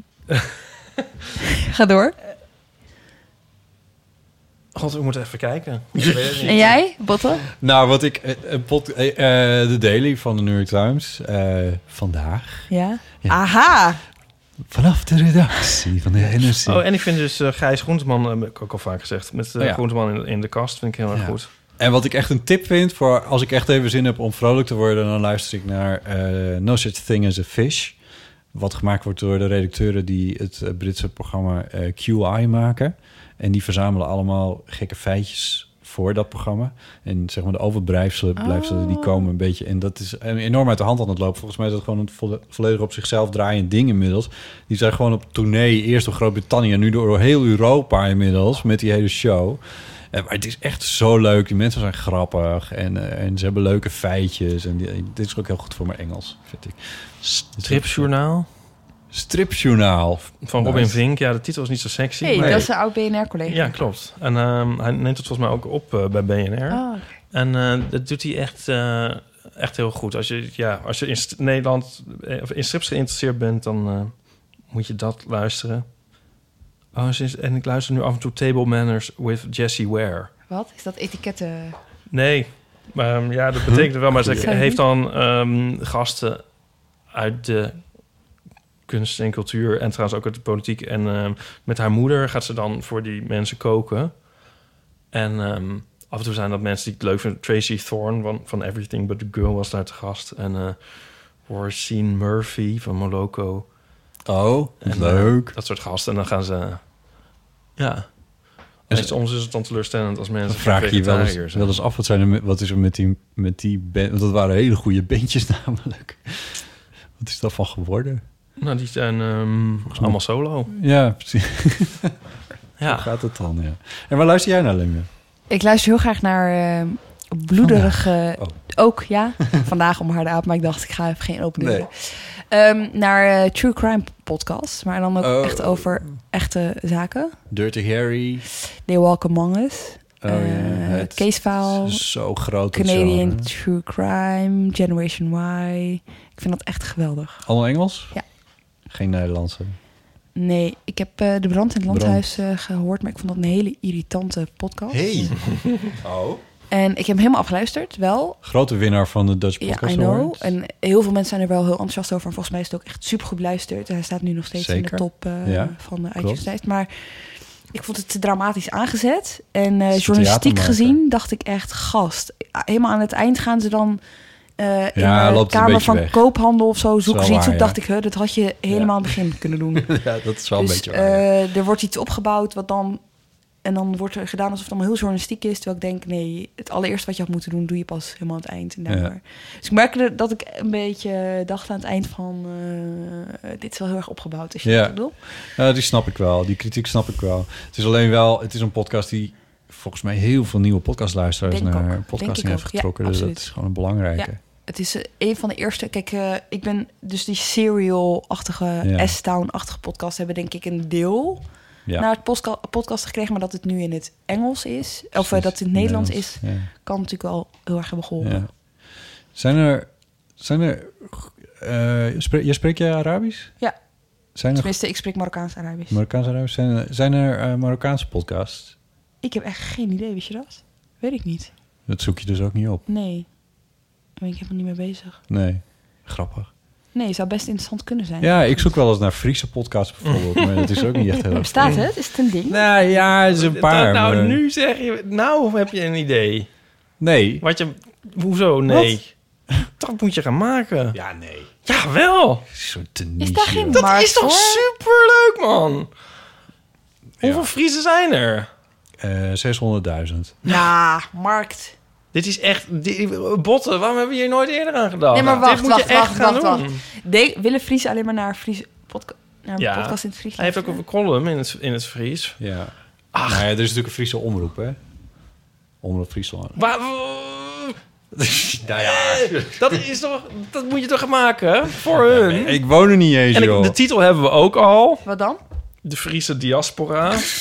Want de Friesen zijn over de hele, hele wereld uitgezworven. Ze zijn en die, overal. snak- die snakken naar een, een stukje Friesland. Hoeveel Marokkanen zijn er? Hier in Nederland? Nee, überhaupt. Oh, weet ik veel, man. Miljoenen. Ja. En jij weet niet eens een Marokkaanse podcast. Dan moet ik een Friese podcast gaan maken voor 600.000 man. Ja. Ja. Voor 600.000 man, daar had ik mijn neus voor op. 600.000 Nee, man. nou ja. Maar dat- dat, nee. ja, maar dat is toch uit, dit kan je toch uit liefde doen? Dat is toch heel erg leuk? Of je maakt er eentje, nog beter, over de Friese cultuur, over, over, over Friesland, voor de, weet mensheid. Maar dat je Fries bent, betekent niet dat je het per se daarover wil maken of zo. Nee, maar nee. Nou, blijkbaar niet. Maar dat snap ik dus niet, want hij heeft het over niks anders. Oh, maar dit is een context die niet... eh, dat is niet waar. Dat is toch superleuk? Waarom maak je niet oké, een soort of een soort snelcursus Friesland? En Friese dan maak je, feitjes. Dat is leuk. Nee, ja, maar ik- Friese feitjes. Ik voel jou zo als, als, als iemand die niet meer gebeld wil worden door de wereld nou door. Daarom, ik probeer het nu Jij- voor jou op te Waarom nemen. zou jij niet in de wereld door willen zitten als het item eh, ging over Friesland? Dat zou, dat- dan, zou Als je het- dan niet willen komen? Als het Eurovisie Songfestival Als Friesland, mee zou de, als Friesland zich zou afscheiden van Nederland en mee zou gaan doen aan het Eurovisie Songfestival. Georganiseerd in Leeuwarden. Oh, dan wil je wel. En ik hoorde vandaag in het nieuws dat Leeuwarden een van de negen steden is. nee. Burgemeester Buma. Die eh, onder burgemeester Buma inderdaad, ja, nou, als er nou een songfestival fan is. Voor de gewone Oh, Nederlanders. Arm Leeuwarden. Ehm moeten ze nou met Buma. Maar ehm, in dat geval zal ik het nog overwegen. Maar jij hebt helemaal niks met het. Nou, eh, je kan, ja, Nee, het het nou, gaat ook niet over- Ik eis dat je dit gaat maken. Maar goed, we hebben het er nog wel een keer over. Goed. We komen toch een beetje tot een besluit. Ehm, dank voor een donatie aan Machteld Nijholt. Oh, Ja.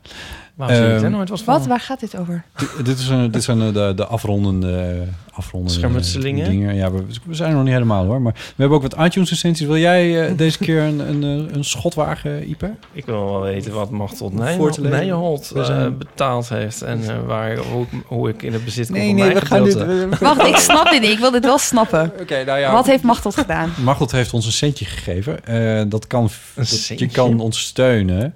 Eh, om, ja, wij hebben Dus ik heb een NRC achter ons, cent. nog steeds niet. Sorry. En eh, dus eh, als je ons wil steunen, dan kun je naar de website. Er zijn heel veel mogelijkheden om ons te steunen. En één daarvan is eh, om een donatie te maken. En ik probeer heel discreet alleen de naam te noemen van degene die dat doet. Omdat ik niet wil bedelen om geld. Maar Iep maakt elke keer een enorm drama Elke van. keer, maar Ja. ik zie nooit wat terug van elke keer al die donaties. Wat, en waar blijft dat geld?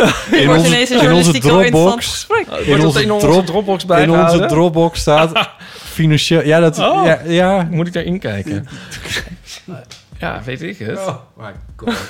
je kan ook naar eh, paypal.com slash eeuw van de amateur, geloof ik. doe Heb ik ik het wel eens verteld? Dan kan je ook doneren. Wist je dat? Ja. Oh. Dit is via PayPal, maar ga verder. Nou, we hebben een eh, recensie door, eh, geschreven door Opblaas Helikopter. met de titel Ik heb dus geen keukentafel. Vier sterren. Oh. Vier? Ja, ik heb dus geen keukentafel en heb dus nooit keukentafelgesprekken. En ik ken ook niemand die dit soort dingen aan de keukentafel bespreekt.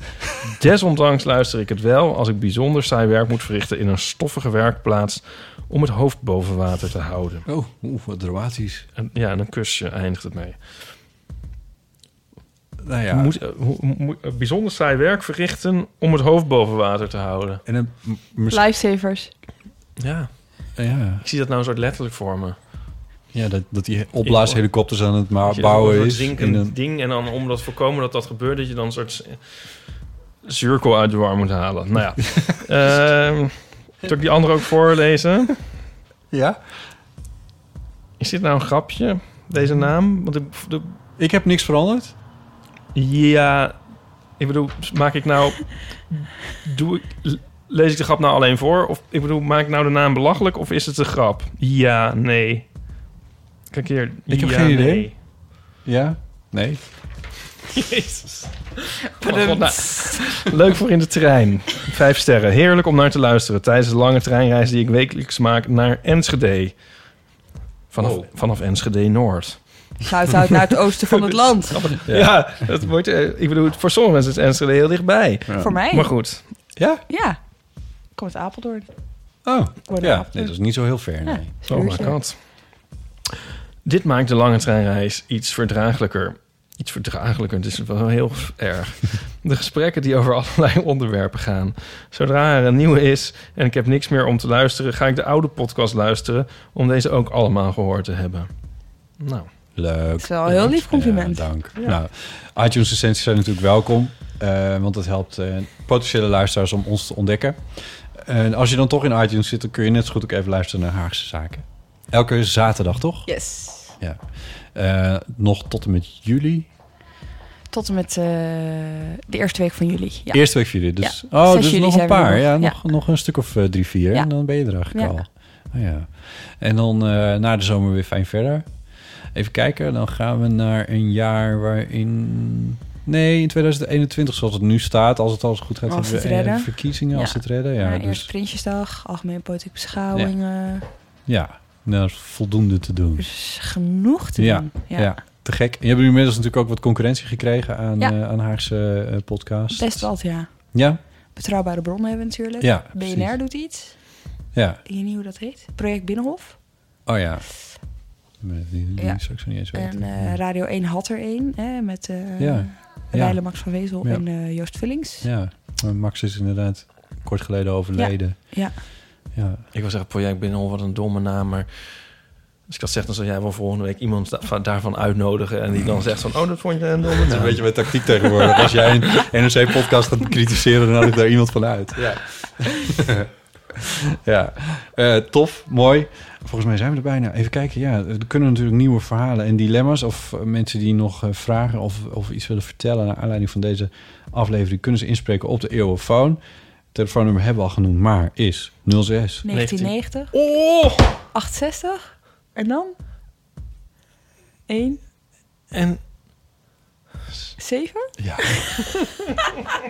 Nee, wacht even.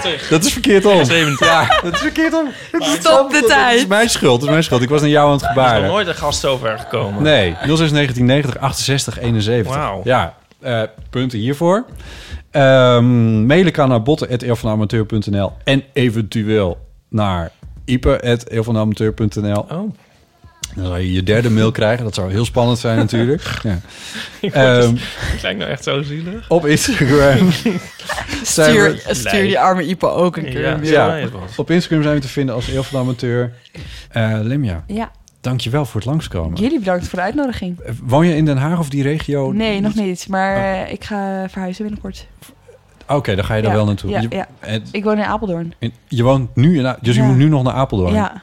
Oh, wauw. Oh, maar mee, dat hoor. is... Het is een uurtje. Ik bedoel, we hadden het net over jouw opstaanritueel, maar dat is dan ook wel best wel vroeg. Ja, eh, klopt. Om van Apeldoorn te Forensen naar... Kwart voor zeven pak ik... eh of kwart voor acht pak ik moly, dat is midden Ja. in de nacht, joh. Man, man, man. Ja, eh, maar hartelijk dank dat je langs Amsterdam wilde komen om, eh, om nog even hier met Eeuw van de Amateur mee te doen. OMG, ik krijg gewoon een eeuw van een amateur. Heel mooi ingepakt. Thanks. In een plastic boterhamzakje. Ja, Dankjewel. Die, thee, eh, thee, thee. Oh, dit is... eh, ja, de officiële eh Eeuw van de Amateur cool. mok Thanks. voor je als, Neem me mee naar de redactie. als dankje. Oh, leuk. Ja, oh, wat gek. Ja. Eh, en als, als Thomas Ruip er eentje wil, dan mag je een keertje langskomen. Jullie moeten hem uitnodigen. Serieus, man tot man. Huppakee. Precies, ja, dat is wel waar, ja. Ja, maar hij zit in Amsterdam, neem ik aan. eh, Hier op het uh, Hij zit in Amsterdam? Ja, precies, ja. Want hij zit Loopafstand, op de redactie van de NRC. Zit hij Daar wil ik nog even één ding over zeggen. Oké. Ja? Ja. Want in die discussie van jullie over de redactie van Amsterdam... ging het er op een gegeven moment over alsof... Er zat een lading, alsof, er een, alsof, alsof, het, alsof, alsof het idee erachter was dat de redactie Ja, van de NRC troon, daar gaat hij het over. Ja, alsof het van een, van, een, van een troon zou komen. Zo werd het Ik uitgesproken. wil nog even vestigen dat dat zo is. Dat ik... Ik wilde eigenlijk tegen ingaan, ik dacht nee, Heel goed. Lemia, dankjewel. Wat leuk gedaan, dat je langskwam in onze 99ste aflevering. Ipe, dankjewel. Ja, my pleasure. En de volgende keer zijn we er weer. En dan zijn we dus met aflevering nummer 100. En dan is de gast Paulien Cornelissen. Is dat niet leuk? Dus daar kun je ook berichtjes eh, voor eh, insturen op ons eeuwofoontje. en Zo. En dan gaan we de beste taartrecepten uitwisselen. ja, dankjewel voor het luisteren. Doei!